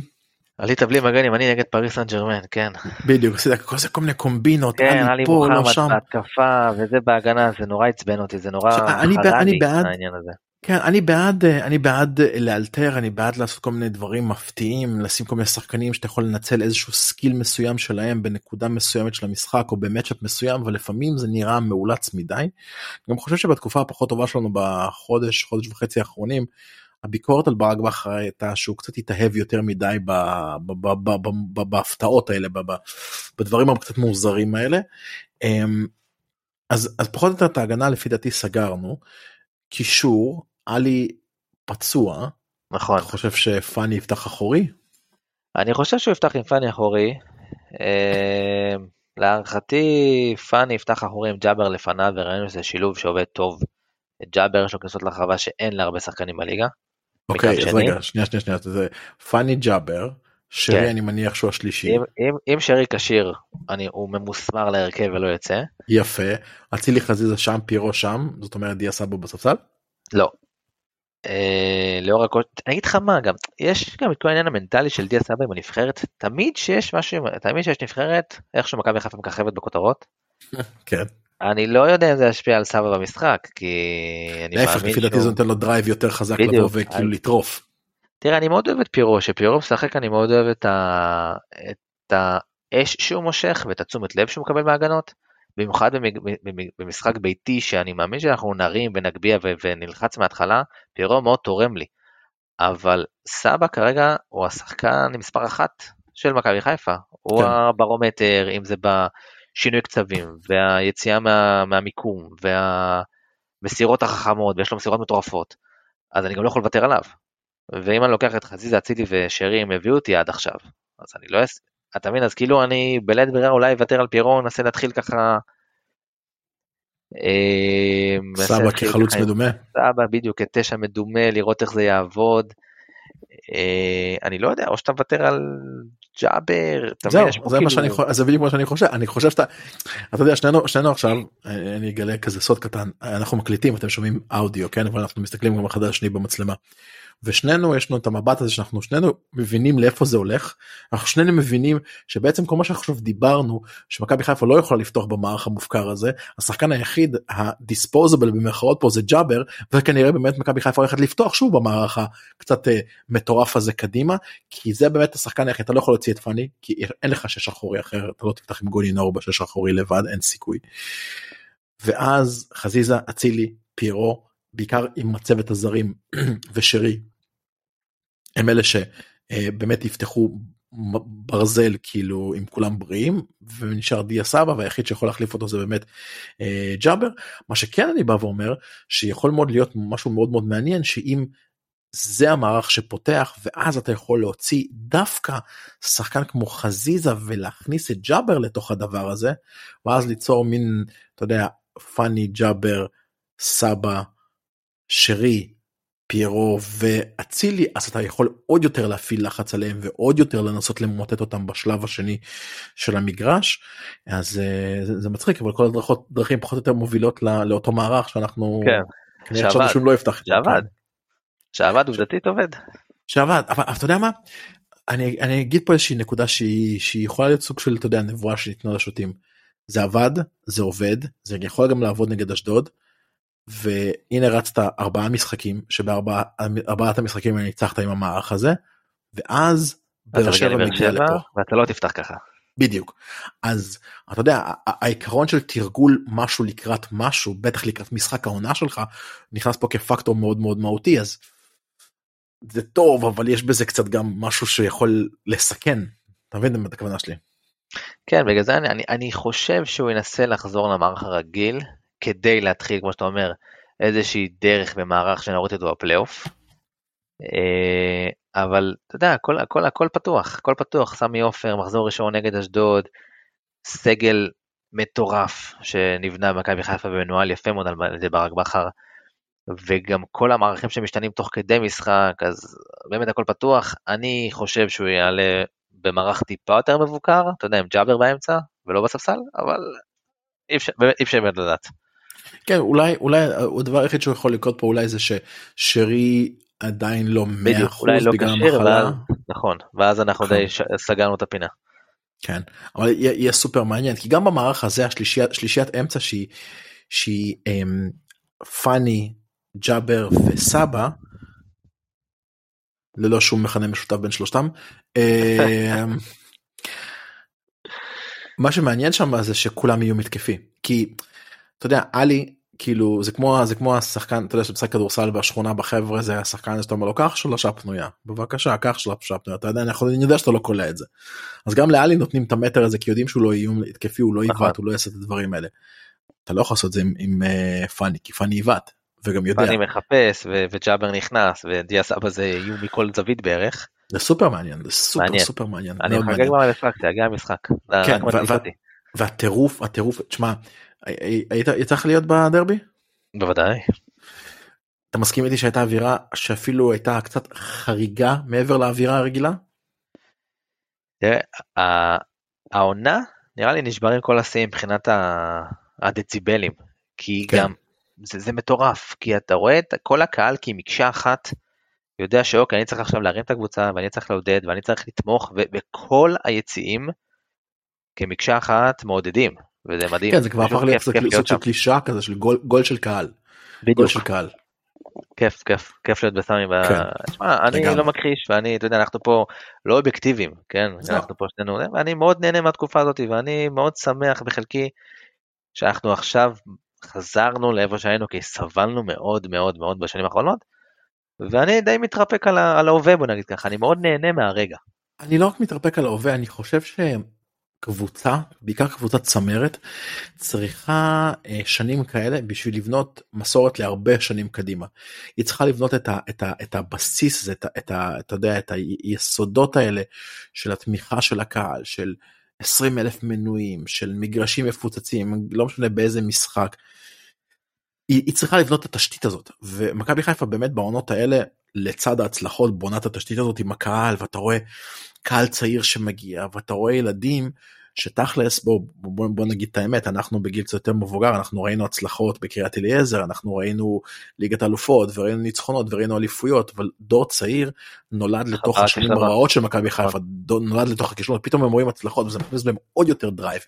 אז הם מדברים עם החברים שלהם ובואו למשחקים וכרטיס למשחק ומנוי כבר לא מדבר על זה הפך להיות סוג של סמל סטטוס כבר אם יש לך אז אתה כאילו וואו ו, והתרבות הזאת שנבנית ואני ראיתי המון מועדונים כאלה באירופה שדרך התרבות הזאת בונים לעצמם את, ה, את השנים קדימה לסטר למשל זו דוגמה קלאסית לזה באנגליה למרות שיש להם עונה מזעזעת.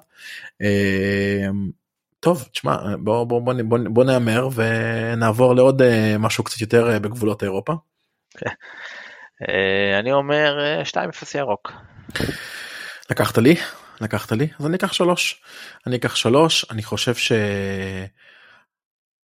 מבחינתי מפתח המשחק הזה הוא שער מוקדם. שער מוקדם במשחק הזה הוא, הוא הכל. הוא הכל הוא משהו שאנחנו צריכים ממש להתאבד בשביל להשיג אותו כי שער מוקדם נגד אשדוד עם הקהל עם הכל בטח ובטח אם אנחנו נעלה למשחק הזה שאנחנו יודעים שבאר שבע מעדה שער מוקדם יכול פה להוציא גם הצגה מטורפת ובאמת להכניס את כל הפלייאוף העליון לכוננות. אני אקח שלוש אה, אבל מוכן להסתפק גם באחד. אחד גם גם אחד קשה אני מוכן להסתפק כל אני יוצא עם שלוש נקודות. לגמרי. טוב אז מה סגרנו את הפלייאוף העליון ועכשיו בוא קרה עוד איזה אירוע קטן אתה יודע שולי אה, היום אה, היום בבוקר אה, פה ברחוב שלי אה, חילקו לחמניות סתם הייתה הגרש של ליגת האלופות. אה, לאיפה הוא הולך עם זה? אז uh, הייתה לנו הגרלה של ליגת האלופות ולפני שאנחנו ניגע רגע בהגרלה ונקריא אותה וקצת אולי ננסה להסתכל על המשחקים ומה אנחנו צופים שיהיה שמה um, יש לך משהו לגבי הסיבוב הקודם דווקא את הסיבוב של השמינית שככה תפס את העין שלך ולא קוראים, ולא קוראים לזה ארלינג הלנד? זהו אני אגיד לך מה אם אני אם אני מוציא החוצה את, את המשחק האחרון של הסיטי ואת החמש שתיים של ריאל השמינית די אכזבה, אם אני, אותי לפחות.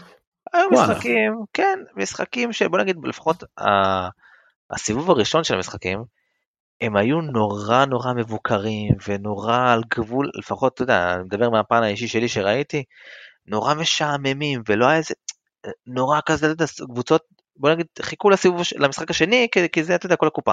שוב, אם אני מוציא את ליברפול ואת סיטי, את המשחק האחרון של הסיטי, כן, אני, אני, תן לחזק לך את זה בנתונים. שהיה... תן לחזק את זה בנתונים? שבעה משחקים בשלב הראשון של שמינית הגמר בסיבוב המשחקים הראשון שבעה משחקים הסתיימו בין שער לשתי, שערים שבעה משחקים מתוך השמונה ורק באמת המשחק של אה, ריאל אה, ליברפול התעלה לחמש שתיים אבל אתה יודע דווקא הדבר הזה סוג של גרם לסיבוב השני להיראות לגומלין של המשחקים האלה להיראות קצת אחרת. נכון, כי הכל, הכל עדיין היה פתוח, אבל אני לא יודע, משהו ב... לצורך העניין, אני ראיתי את, ה, את השמינית של השלישי רביעי, ואז ראיתי פתאום ליגה אירופית בחמישי. אמרת וואו, איזה משחקים, הכל פתוח, ושערים, וטירוף, ועניין, כאילו, כאילו הרגישתי שאתה יודע שהמפעלים התהפכו כזה, פתאום. היה כזה משחק, אה, אתה יודע, אה, אה, לא יודע, קצת כזה, קצת, השמינית קצת הפריע לי השנה, קצת הפריע לי השמינית השנה. כן, אני גם חושב שהשמינית הייתה, זאת אומרת, מאוד מאוד מאוד צפויה. אני שם שנייה רגע בצד את המשחק של אה, אה, ביירן פריז למרות שגם זה לפי דעתי מי שעוקב אחרי פריז ובטח אנחנו ראינו את פריז אתה יודע מולנו ידענו שנגד קבוצות יותר יעילות קבוצות יותר יציבות חזקות שלא ייתנו לשלישייה הקדמית שלהם לעשות מה שהם רוצים ובעיקר בגלל שהשלישייה הקדמית שלהם לא באמת יורדת לעשות הגנה קבוצות חזקות כמו ביירן כמו סיטי היו מחוגגות על זה וזה לא באמת הפתיע. אז אתה יודע אה, ביין לקחו את פריז לא הפתעה. טוטנאם מילאן זה משחק די פתוח לכל הכיוונים שום דבר לא הפתעה. משחק די אה, אפור גם. מה זה? משחק מאוד אפור. צ'לסי דורטמונד שוב צ'לסי גם אבל צ'לסי באמת הקבוצה יותר טובה פה. אני מזכיר למי ששכח שצ'לסי שני ליגת אלופות בעשור האחרון אוקיי? נכון. אם מי שחשב דורטמונד אולי קבוצת העדיפה צ'לסי לקחו שני ליגת אלופות בעשור האחרון למי ששכח. אה, אז פה גם אין הפתעה בנפיקה קלאב ברוז' שום הפתעה נפולי פרנקפורט שום הפתעה אה, לייפציג סיטי שום הפתעה אינטר פורטו גם פה לפי דעתי לא הייתה הפתעה על אף צמד המשחקים הקשה. ובאמת ריאל מדריד ליברפול אתה יודע על פניו אתה ניגש למשחק הזה אתה אומר לעצמך וואו ריאל 5-2 הפתעה אבל מי שראה את ליברפול העונה בליגה האנגלית לא באמת מופתע כאילו הם הפסדים לוולפס והפסדים ללידס והפסדים לעוד כל מיני קבוצות שממש לא ממש. לא בכושר. כן, לא יציבים. בעליל. בדיוק ומי שהסתנוור מה-7-0 נגד מנצ'סטר יונייטד אז זה, זה משחק כמישהו שעוקב אחרי ליברפול בצורה אדוקה בפרמייר ליג זה היה משחק מאוד מאוד חריג. אמ, אז זה זה בגדול מבחינת השמינית עכשיו בוא נעבור בוא נעבור לרג, על, לרבע הגמר. אז קודם כל אה, ההגרלה בוא נתחיל משחק משחק. אז ההגרלה הראשונה זימנה לנו את ריאל מדריד נגד צ'לסי. אמ, כאשר פה אני חושב שיש פבוריטית ברורה ספציפית בגלל הרקורד שלה בליגת האלופות בדיוק, כן. והיא צ'לסי. סתם לא.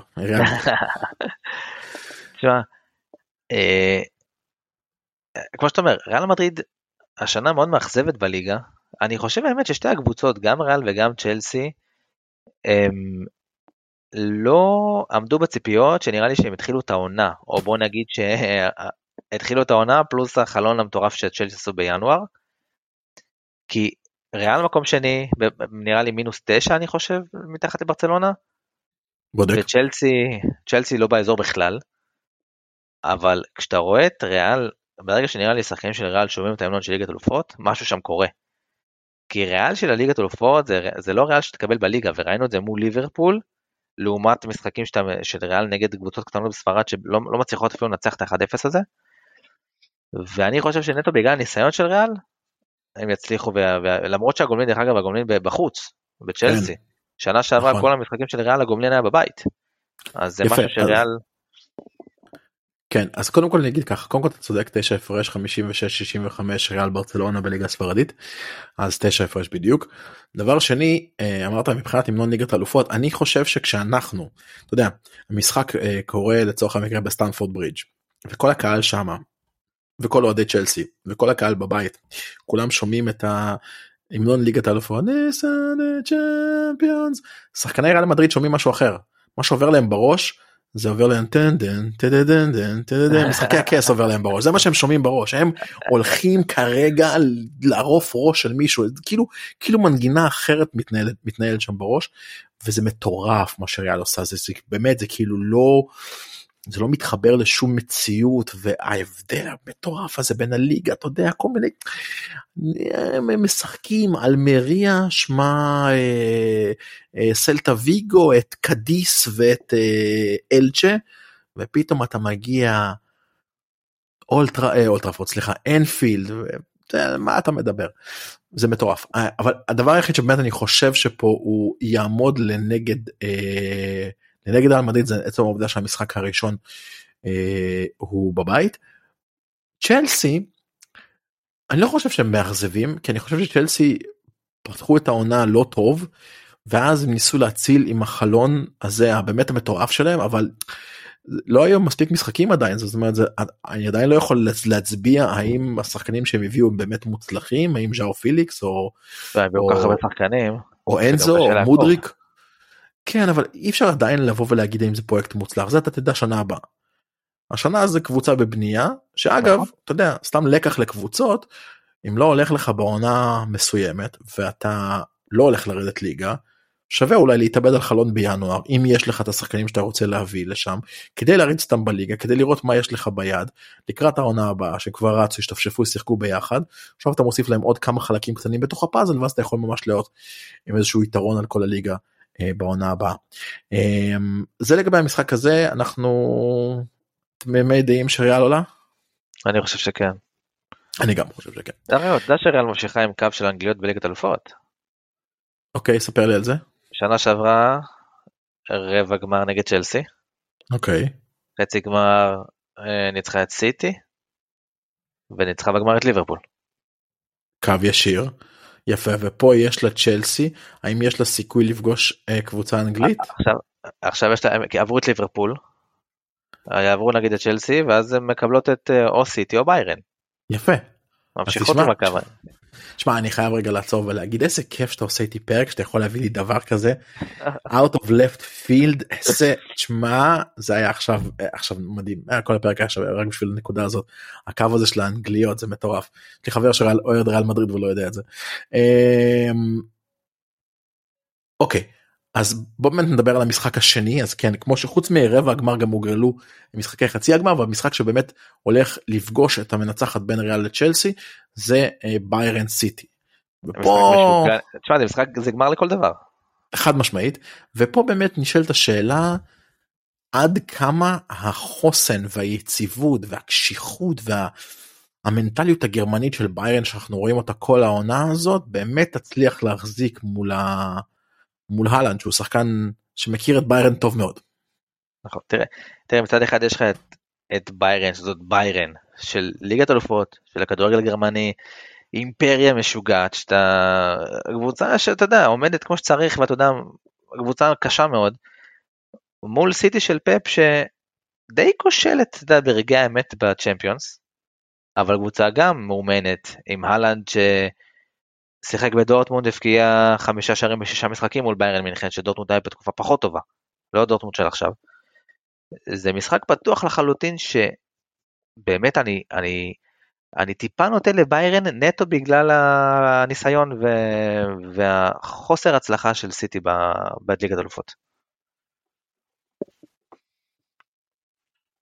יפה אז עכשיו עכשיו עכשיו אפשר תורי לתת אה, איזה נתון כן דבר אלינו כמה שערים לפי דעתך ארלינג הלנד כבש נגד ביירן מינכן. בליגה הגרמנית. כמובן במדי דורטמונד. יש לו מה שאני בדקתי זה חמישה שערים בשישה משחקים. אתה צודק במאה אחוז חמישה שערים בשישה משחקים כמעט כל משחק הוא, כובש, הוא כובש בקבוצה שהיא לא בקליבר של סיטי מבחינת סגל השחקנים לא מחזיקה שחקנים כמו אה, גנדוגן גריליש אה, ברנרדו סילבה אה, פודן וכמובן דה בריינה ככה באהלן אהלן. אה, קבוצה שיכולה לשחרר את קאנסלו תכף נדבר על קאנסלו. אה, אז כן אז לארלינג יש חמישה שערים נגד אה, ביירן מינכן שזה סוג של מבטיח שלפחות גול אחד יהיה פה. השאלה היא באמת האם האם ביירן תצליח לעצור את הדברים כי אני יכול להגיד לך שראיתי כמה משחקים משחקים שסיטי נעצרו בהם בליגת ה... בפרמייר ליג העונה הם באמת המשחקים שהיו מאוד מאוד קשוחים פיזית. זאת אומרת, שחקנים ממש יצאו למגרש כדי להיכנס פיזית וכסח וגלישות וממש הוציאו את סיטי מה, מה, מה, מהפוקוס. אמ, וביירן היא באמת טובה לעשות את זה. אה, יש לך עוד איזשהו אקס פקטור לפי דעתך במשחק הזה שאתה חושב? תראה, אני יכול להגיד לך, אני חושב שהאמצע, אם אני נגיד משווה את האמצע של, של ביירן, אם זה קימיץ' וגורצקה, שהם שתי מכונות גרמניות באמצע, מול אה, אפשר להגיד רודרי וסיטי.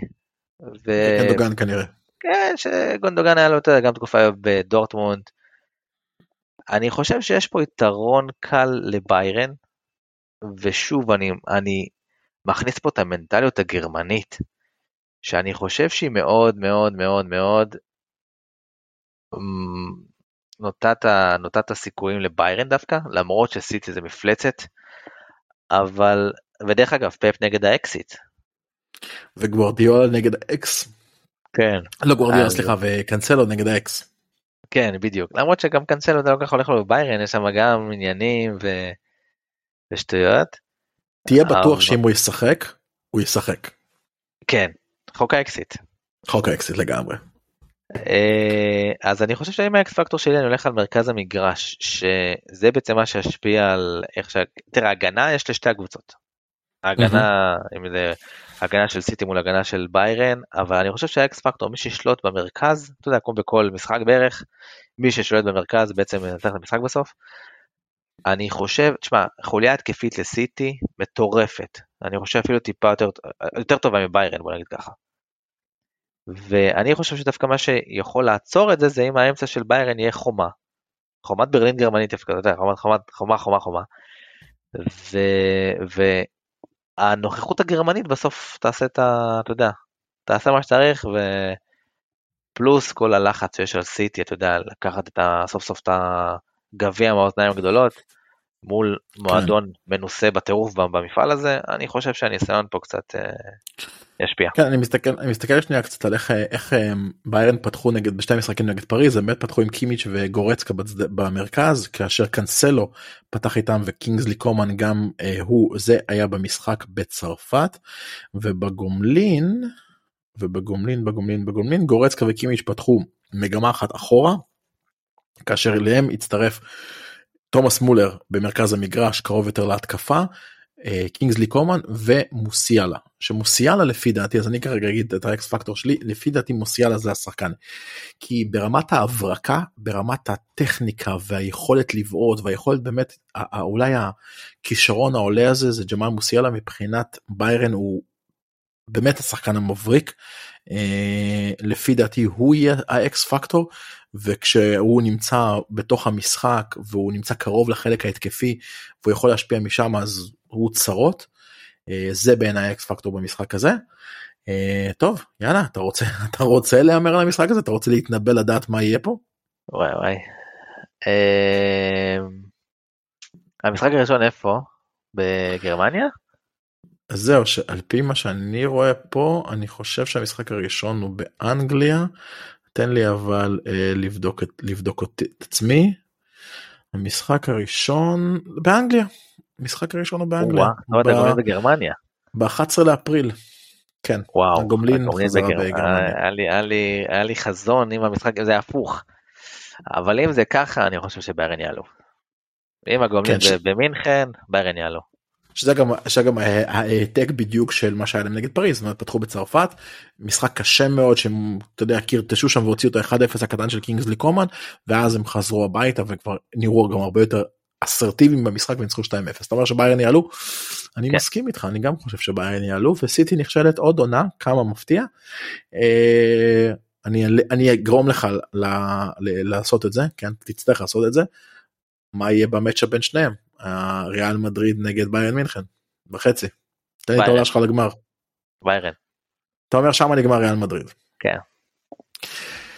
אז אני דווקא אגיד מדריד אני דווקא אגיד מדריד כי אני חושב שאם יש משהו שיכול לעצור את, הכ... את הכוח ואת היעילות הגרמנית זה רק קסם זה רק רק כוחות מיתים כוחות מאגיים כאלה שלריאל מדריד יש בליגת האלופות אם יש משהו שיכול לעצור את זה זה רק את זה. אז טוב אז מהצד הזה יש לנו אה, עולה לגמר אז יש לנו בעצם את אה, ביירן. שלי, ביירן שלך וריאל שלי ואז יש לנו בעצם את כמו שאמרתי אז ריאל עולה מעל צ'לסי וביירן על סיטי ואז אה, דור עם אה, ביירן בגמר ואני עם ריאל בגמר. בוא נעבור לצד היותר אפור בוא נעבור לפחות לאחות הפחות יפה. כן. קהל אפור האחות הפחות יפה אה, כמו אתה יודע השיר הזה למה לא אמרת שאחותך אה, יפה ממך או משהו כזה? כן. כן. אז לא, במקרה הזה לא. במקרה הזה לא. היא לא. אמ, אז בואו נדבר על המשחק הראשון. אפשר לעשות את צד כבד וצד קל, אתה יודע, מבחינת... אה, כן אבל ברגע שאתה אומר צד כבד וצד קל יתחילו לבוא ולהגיד לנו אנחנו עושים שמונופוביה ופט שיימינג וכל הדברים האלה אז אני לא רוצה לא רוצה להיכנס לזה. אה, טוב אז ממה אתה רוצה להתחיל? יש לנו דרבי איטלקי שזה נפולי מילאן. מילאן נכון. ובנפיקה אינטר. יס. מה בא לך להתחיל? אספר לך סיפור. תן לי. התחילה לפני הגרלה של השמינית. חבר שלי אומר לי מה לדעתך שתי הזוכות שתי, שתי זוכות אפשריות לצ'מפיונס. וכשאנחנו חברים מהמרים אנחנו לא לוקחים את ה obvious. אני לא יכול להגיד לו ביירן או אתה יודע סיטי. צריך לקחת את ההפתעות. אז הוא הלך על אינטר ופורטו. בהפתעה, אתה יודע, הוא גרע לו אחת נגד השנייה. כן. אמרתי לו, אני ממשיך איתך בקו של איטלקית ופורטוגלית, אבל אני הולך על נפולי, שהשנה זאת תקופה מטורפת, ועל בנפיקה שראיתי אותה בעיניים ואני יודע איזה מכונה היא. ויש מצב שאני אפגוש אותה בחצי, את ההימור שלי. שאחת מהן תגיע לגמר. כן, אמ, מעניין. אז אני אומר בוא נתחיל עם נפולי, עם בנפיקה, עם בנפיקה, כי אנחנו, שנינו ראינו אותה מקרוב. כן. אמנם נחלשו עם אה, העזיבה של אנזו לצ'לסי, אבל קבוצה מכונה, משומנת, משהו לא נורמלי. נגד אינטר. כן. אה, תסכים איתי, לא בתקופה מזהירה. תשמע, קודם כל אתה עשית איתי מספיק תוכניות כדי לדעת שאני אוהד של אינטר. נכון. בגלל זה הייתי עדין איתך עכשיו. אז בוא אני אגיד לך משהו. תראה, אני יודע, אני אהיה כאילו מאוד מאוד כנה עם הקבוצה שלי, ואני גם אפתיע. אה, וכולם יבואו ויגידו שזה הימור מתוך רגש, אבל אה, אני, אני אסביר גם למה, אני אסביר את הרציונל. קודם כל אינטר זה הקבוצה הכי חלשה ברבע גמר הזה. אין מה לעשות. אינטר ומילאן מתחרות על הקבוצה החלשה כרגע. אלה שתי הקבוצות שכולם רצו לקבל. אני מבטיח לך את זה. אה, מילאן השנה באמת ירדה מאוד מאוד מנכסיה מהקבוצה הדי מבריקה שלקחה את האליפות הקשה שנה שעברה לא נשאר הרבה. גם אליפות מפתיעה. אליפות מפתיעה מאוד. מאוד, מאוד מפתיע, מאוד. אבל לא נשאר הרבה מהקבוצה הזאת, ו, ו, ו, והשנה יש לה עונה רעה מאוד באיטליה. ואינטר עם עונה מאוד מאוד הפכפכה באיטליה, למעלה למטה. ואין אה, ספק שאלה שתי הקבוצות החלשות במפעל. אבל, אלה שתי קבוצות, מילאן ואינטר, עם מסורת ליגת אלופות מטורפת. לא מסורת שיש לבנפיקה, אה, על אף אה, שתי הזכיות של שני הזכיות שלהם אני לא טועה בליגת האלופות שנות ה-60 כן כן אה, ו... ובטח ובטח לא נפולי אוקיי נפולי לא ללא היסטוריה בליגת האלופות שמתקרבת בכלל למשהו כזה. זה פעם ראשונה שמגיעה לרבע גמר. נכון. וספציפית אני אמרתי שאותו שער של ז'או מריו שהוריד את פריז למקום השני ודי הדיח אותם הוא גם זה שיביא פחות או יותר את אה, בנפיקה לחצי גמר רק לא ציפיתי שברבע גמר הם יקבלו את אינטר. ופה לפי דעתי גם נושא הגרלת המשחקים היא אה, מאוד מאוד קריטית כי תראה אה, לא היה הגבלים מבחינת קבוצות שלא יכולות לפגוש קבוצה אחרת ההגבל היחיד שהיה בהגרלה היום זה שאם אה, מילאן ואינטר שתיהן מוגרלות לארח ראשונה אינטר בתור הקבוצה שהיא סגנית האלופה זה יהפוך לה את סדר המשחקים. יצא מצב שמילאן ואינטר מערכות ראשונים וזה הפך לו את צמד המשחקים כאשר המשחק הראשון הוא בפורטוגל. עכשיו שים לב. אינטר שיחקו נגד קבוצה פורטוגלית נגד פורטו. שאגב את אותו את אותה פורטו בנפיקה פוגשת יומיים לפני המשחק נגד אינטר אה, בליגה המקומית. וברור לך מה הולך להיות במשחק הזה נכון ברור לך מה אינטר הולכים לעשות שמה באיצטדיון האור נגד בנפיקה. זה הולך להיות הבונקר האיטלקי הכי קלאסי שראית בחיים שלך קטנצ'ו עד, עד לקצה אבל זה יכול להעביר את התוצאה למילאנו. ואם התוצאה באמת עוברת למילאנו באיזה 0-0-1-1 משהו בסגנון הזה בעיקר שאין שערי חוץ. הכל יכול להיות. אינטר במשחק ביתי אני השנה ראיתי את אינטר מנצחת את ברצלונה בסנסירו. אז אתה יודע אמנם פערי הכוחות פה ברורים לטובת בנפיקה אבל ההגרלה ומה שאני ראיתי מהקבוצה הספציפית גם נגד קבוצה פורטוגלית אחרת אני אפתיע ואני אגיד אני אפתיע אתה יודע אני אוהד אני אפתיע ואני אגיד שאני חושב שאינטר עולה. אני, אני מניח שאתה חושב אחרת. אני, אני חושב אחרת. בנפיקה כמו שאמרתי מקודם ראינו אותה גם וגם חקרנו עליה כשעשינו את ההכנות למכבי חיפה לליגת אלופות. זאת מכונה, מש, מכונה משומנת שחקנים כל אחד שם אתה גם שחקנים ב, לפני פריצה וגם שחקנים שכבר בפריצה שלהם. שחקנים אחד אחד וכמו שאתה אומר יש, יש פערי איכות ובנפיקה היא הקבוצה הפייבוריטית ואני חושב שהם, אני מסכים איתך שהרבה מאוד תלוי בתוצאה במשחק הראשון לאור ה, מה שאמרת אבל אני חושב שבנפיקה יעשו את העבודה במשחק הראשון גם אם זה יהיה להם מאוד מאוד קשה ואני חושב שהם יגיעו, הם ימנעו אה, אה, דרבי, עוד דרבי איטלקי וחצי. יפה אז באמת מה שבאופן מעניין מה שקורה זה שבנפיקה היא בעצם הדבר היחיד שעומד בין איטלקית בגמר. אוקיי? נכון. כי אם לא בנפיקה לצורך המקרה יש לך קבוצה איטלקית בגמר בוודאות וזה מפתיע את כל אירופה כי אף אחד לא ציפה ששלוש קבוצות איטלקיות יהיו ברבע, ברבע גמר בטח ובטח אף אחד לא ציפה שתהיה איטלקית בגמר. מה שעושה לי ככה סגווי מושלם באמת למשחק האחרון שזה נפולי מילאן. אני אגיד לך מהצד שלי כמישהו שהוא אלופה נכנסת מול הפועל לצאת. נכון ומעבר לזה אני אגיד לך משהו נפולי משחקת אולי את הכדורגל הכי מבריק באירופה היום. ונפולי מה שמעניין אפרופו חבר משותף שלנו אפרופו ערן יעקבי חברנו מפודקאסט האנליסטים יצא לנו לדבר ביום רביעי בדרך חזרה מ... מהאירוע ויצא לנו לדבר על ספציפית על נפולי. ודיברנו על העובדה שמה שיש בנפולי השנה מעבר לסגל המטורף שהם בנו מעבר להרכב שלהם שעובד בצורה כמו מכונה בין אם זה כבר רצחליה ואוסימן ו... אמ, אה, הבלם. לא, אני מדבר על הקיצוני המקסיקני לוזנו. אה, אבל כל שחקן שנכנס כל שחקן שנכנס גם נכנס בטירוף פוליטנו ו... אמ, בורחים לי שמות של שחקנים של נפולי תכף אני אגיע לזה אה, כולם נכנסים בטירוף יש שם יש שם איזושהי מין אחווה מסוימת שכל שחקן שנכנס גם מהספסל. אתה יודע נכנס זלינסקי הוא משחק בהרכב אה, רספדורי רספדורי זה השחקן שרציתי להגיד. כולם נכנסים באיזשהו טירוף מסוים לתוך אה, לתוך המשחק. ו, ונפולי משחקת כדורגל מאוד מאוד מבריק. אה, תגיד לי אתה מה דעתך לגבי המשחק הזה אני רוצה רגע לבדוק את המאזן של מילאן ונפולי העונה בליגה. או שיש לך את זה כבר. אה, לא, האמת שאין לי את זה פה. יש אני לי. אני אגיד לך מה, מה שכן אני יודע, שבכל חמש משחקי הליגה האחרונים בין נפולי למילאן, דווקא קבוצת החוץ ניצחה. שזה מפתיע. אבל כמו שאתה אומר, נפולי בפורמה מטורפת, אחת הקבוצות המלהיבות של אירופה, מול מילאן שאתה יודע, דיברנו על זה שהשנה שעברה לקחה אליפות, אליפות באמת קסומה, נגד כל הציפיות. ובמקום למנף את האליפות הזאת, נראה שהם לא הפיקו לפקחים יותר נטו בקיץ, והם די כזה, אתה יודע, נכבתה הגחלת שנדלקה פתאום, אחרי, אתה יודע, מילאן אחרי עונות שכונות פתאום לקחה אליפות מדהימה.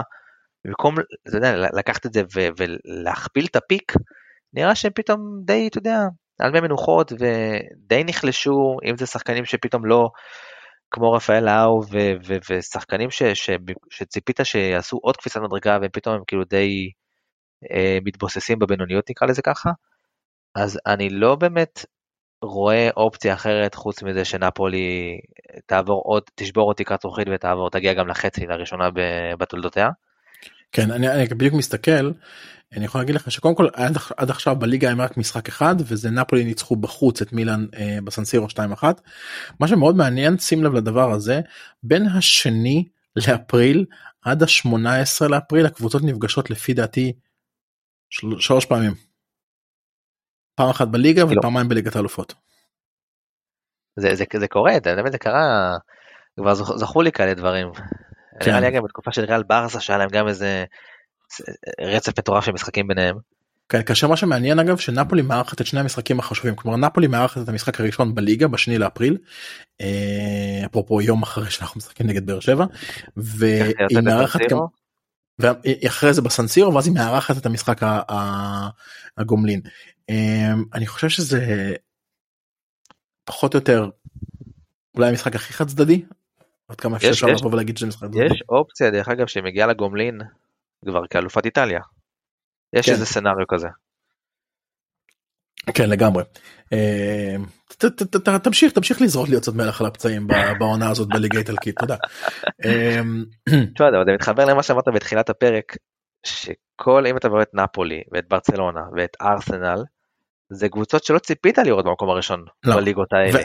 ואתה יודע מה אני שם שנייה את ברצלונה כי באמת אני שם את ברצלונה רק מהמקום שאני פחות עוקב אחרי הליגה הספרדית ואולי אתה תבוא ותגיד לי את זה אבל גם מעבר להפתעה זה גם סוג הכדורגל כי ארסנל לפחות עד לכמה שבועות האחרונים שיחקה את הכדורגל הכי מבריק באנגליה ופשוט נראתה כמו, כמו קבוצה שכל כך מאומנת כל כך יצירתית עם שחקנים. אתה יודע אודגרד שנכנס לזה שלו ומרטינלי וג'זוס עד שהוא נפצע וסאקה ו- ונפולי עם באמת שחקנים יודע, כבר רצחליה זה לא ש- שנה שעברה כבר קצת התחיל אבל זה לא איזשהו שם או סימן כמה שנים כבר באיטליה והשנה הוא נתן את העונת פריצה המטורפת שלו. מעבר לזה שהם קבוצות מפתיעות הם גם קבוצות שמשחקות כדורגל סופר מפתיעות הן לא מפתיעות שם אתה יודע סטייל עונת אליפות אה, הפועל תל אביב קשטן כזה 1-0 1-0 1-0 כזה הם מפתיעות כי הם גם משחקות כדורגל נהדר זה מה שברסה עושה. כן שובר עצים ב-1-0 נראה לי השנה בליגה מבחינתם. אוקיי אז אז אתה מבין יש הבדל כאילו בין בין בין ארסנל ונפולי מול מול מה שהם הם עושות בליגה מול מה שברצלונה עושה. אנחנו תמימי דעים במשחק הזה שנפולי עוברת אני כן לפי דעתי כן. אז עכשיו החצי גמר שלך והחצי גמר שלי שונים נפולי אה, נגד אה, אה, אינטר במקרה שלי נפולי נגד בנפיקה במקרה שלך תן לי את, אה, את ה-50 סנט שלך על נפולי בנפיקה ומי עולה לגמר. האמת שאני לא יודע זה 50-50 מבחינתי. אבל אני רוצה להגיד שנפולי בהמשך לעונה המדהימה שלה אני חושב שאני אראה אותה בגמר. שזה הפתעה.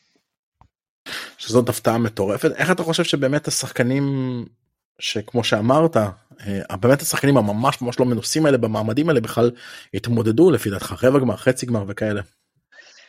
תראה אני, אני דווקא חושב שאם הם יגיעו לגמר נגד ביירן שאתה יודע שככה ניחשתי כרגע אני חושב שכמו שאתה אומר הם יגיעו בסופו של דבר למעמד של הגמר באיסטנבול לגמר ליגת אלופות לראשונה בחייהם גם שחקנים אתה יודע שהם גם לא מנוסים וגם לפני חמש דקות לקחו אליפות איטליה אחרי לא יודע 1990 אני חושב לקחה פעם אחרונה לא זוכר מתי נפולי לקחה.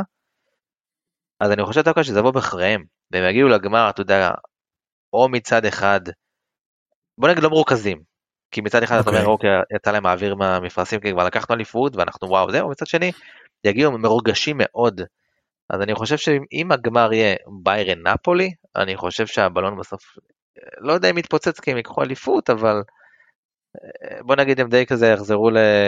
כאילו, יחזרו לעניינים, אתה יודע, למקום הטבעי שלהם, ולפי דעתי ביירן, אה, הניסיון בסוף יכריע. אבל אני כן. כן רואה סצנריו שהם יכולים לעבור את בנפיקה, במיוחד אם עדיין לוקח את העונה המטורפת שלהם. שוב, חצי גמר פתוח לחלוטין, אבל אני עם נטייה לנפולי. יפה. אז מה שאני יכול להגיד לך בחצי גמר שלי שזה נפולי אינטר אז uh, נפולי לא מפסידה הרבה משחקים מעונה. אחת הקבוצות של נפולי הפסידה להם מעונה. אם אתה מעלה את אינטר אתה משחזר את הגמר שלקחתם את הצ'מפיונס עם מוריניו. לפחות בצד שלי. כן עם ביירן ביירן אינטר. כן. וואו לא חשבתי על זה וואו מטורף. לא, לא אבל אני אמרתי אני מעלה את ריאל. נכון אז אתה יכול לשנות. אז אני מעלה גמרים כאלה של אתה יודע של. אה, של אינטר של שנות ה-60 וריאל של, של אז. אמ, מה שהתחלתי להגיד זה שנפולי לא מפסידה הרבה בכלל העונה יש לה הפסד בליגה האיטלקית לאינטר 1-0 אה, במשחק אה, אה, שהיה השנה בינואר. שבר את הרצף מטורף של משחקים שלהם לא של ניצחונות נכון נכון כן עשרה משחקים אני לא טועה כן בדיוק דיברו על זה ברק בכר ומכבי חיפה עם הרצף משחקים שלהם ונפולי ורצף משחקים אני חושב שהם איבדו את זה באותו שבוע. אמ, אז אה, תשמע פה כבר האהדה שלי לפי דעתי לא תדבר על המרות שאני כל כך כל כך הייתי רוצה שאינטר יעלו לגמר אני חושב שזה יהיה נפולי.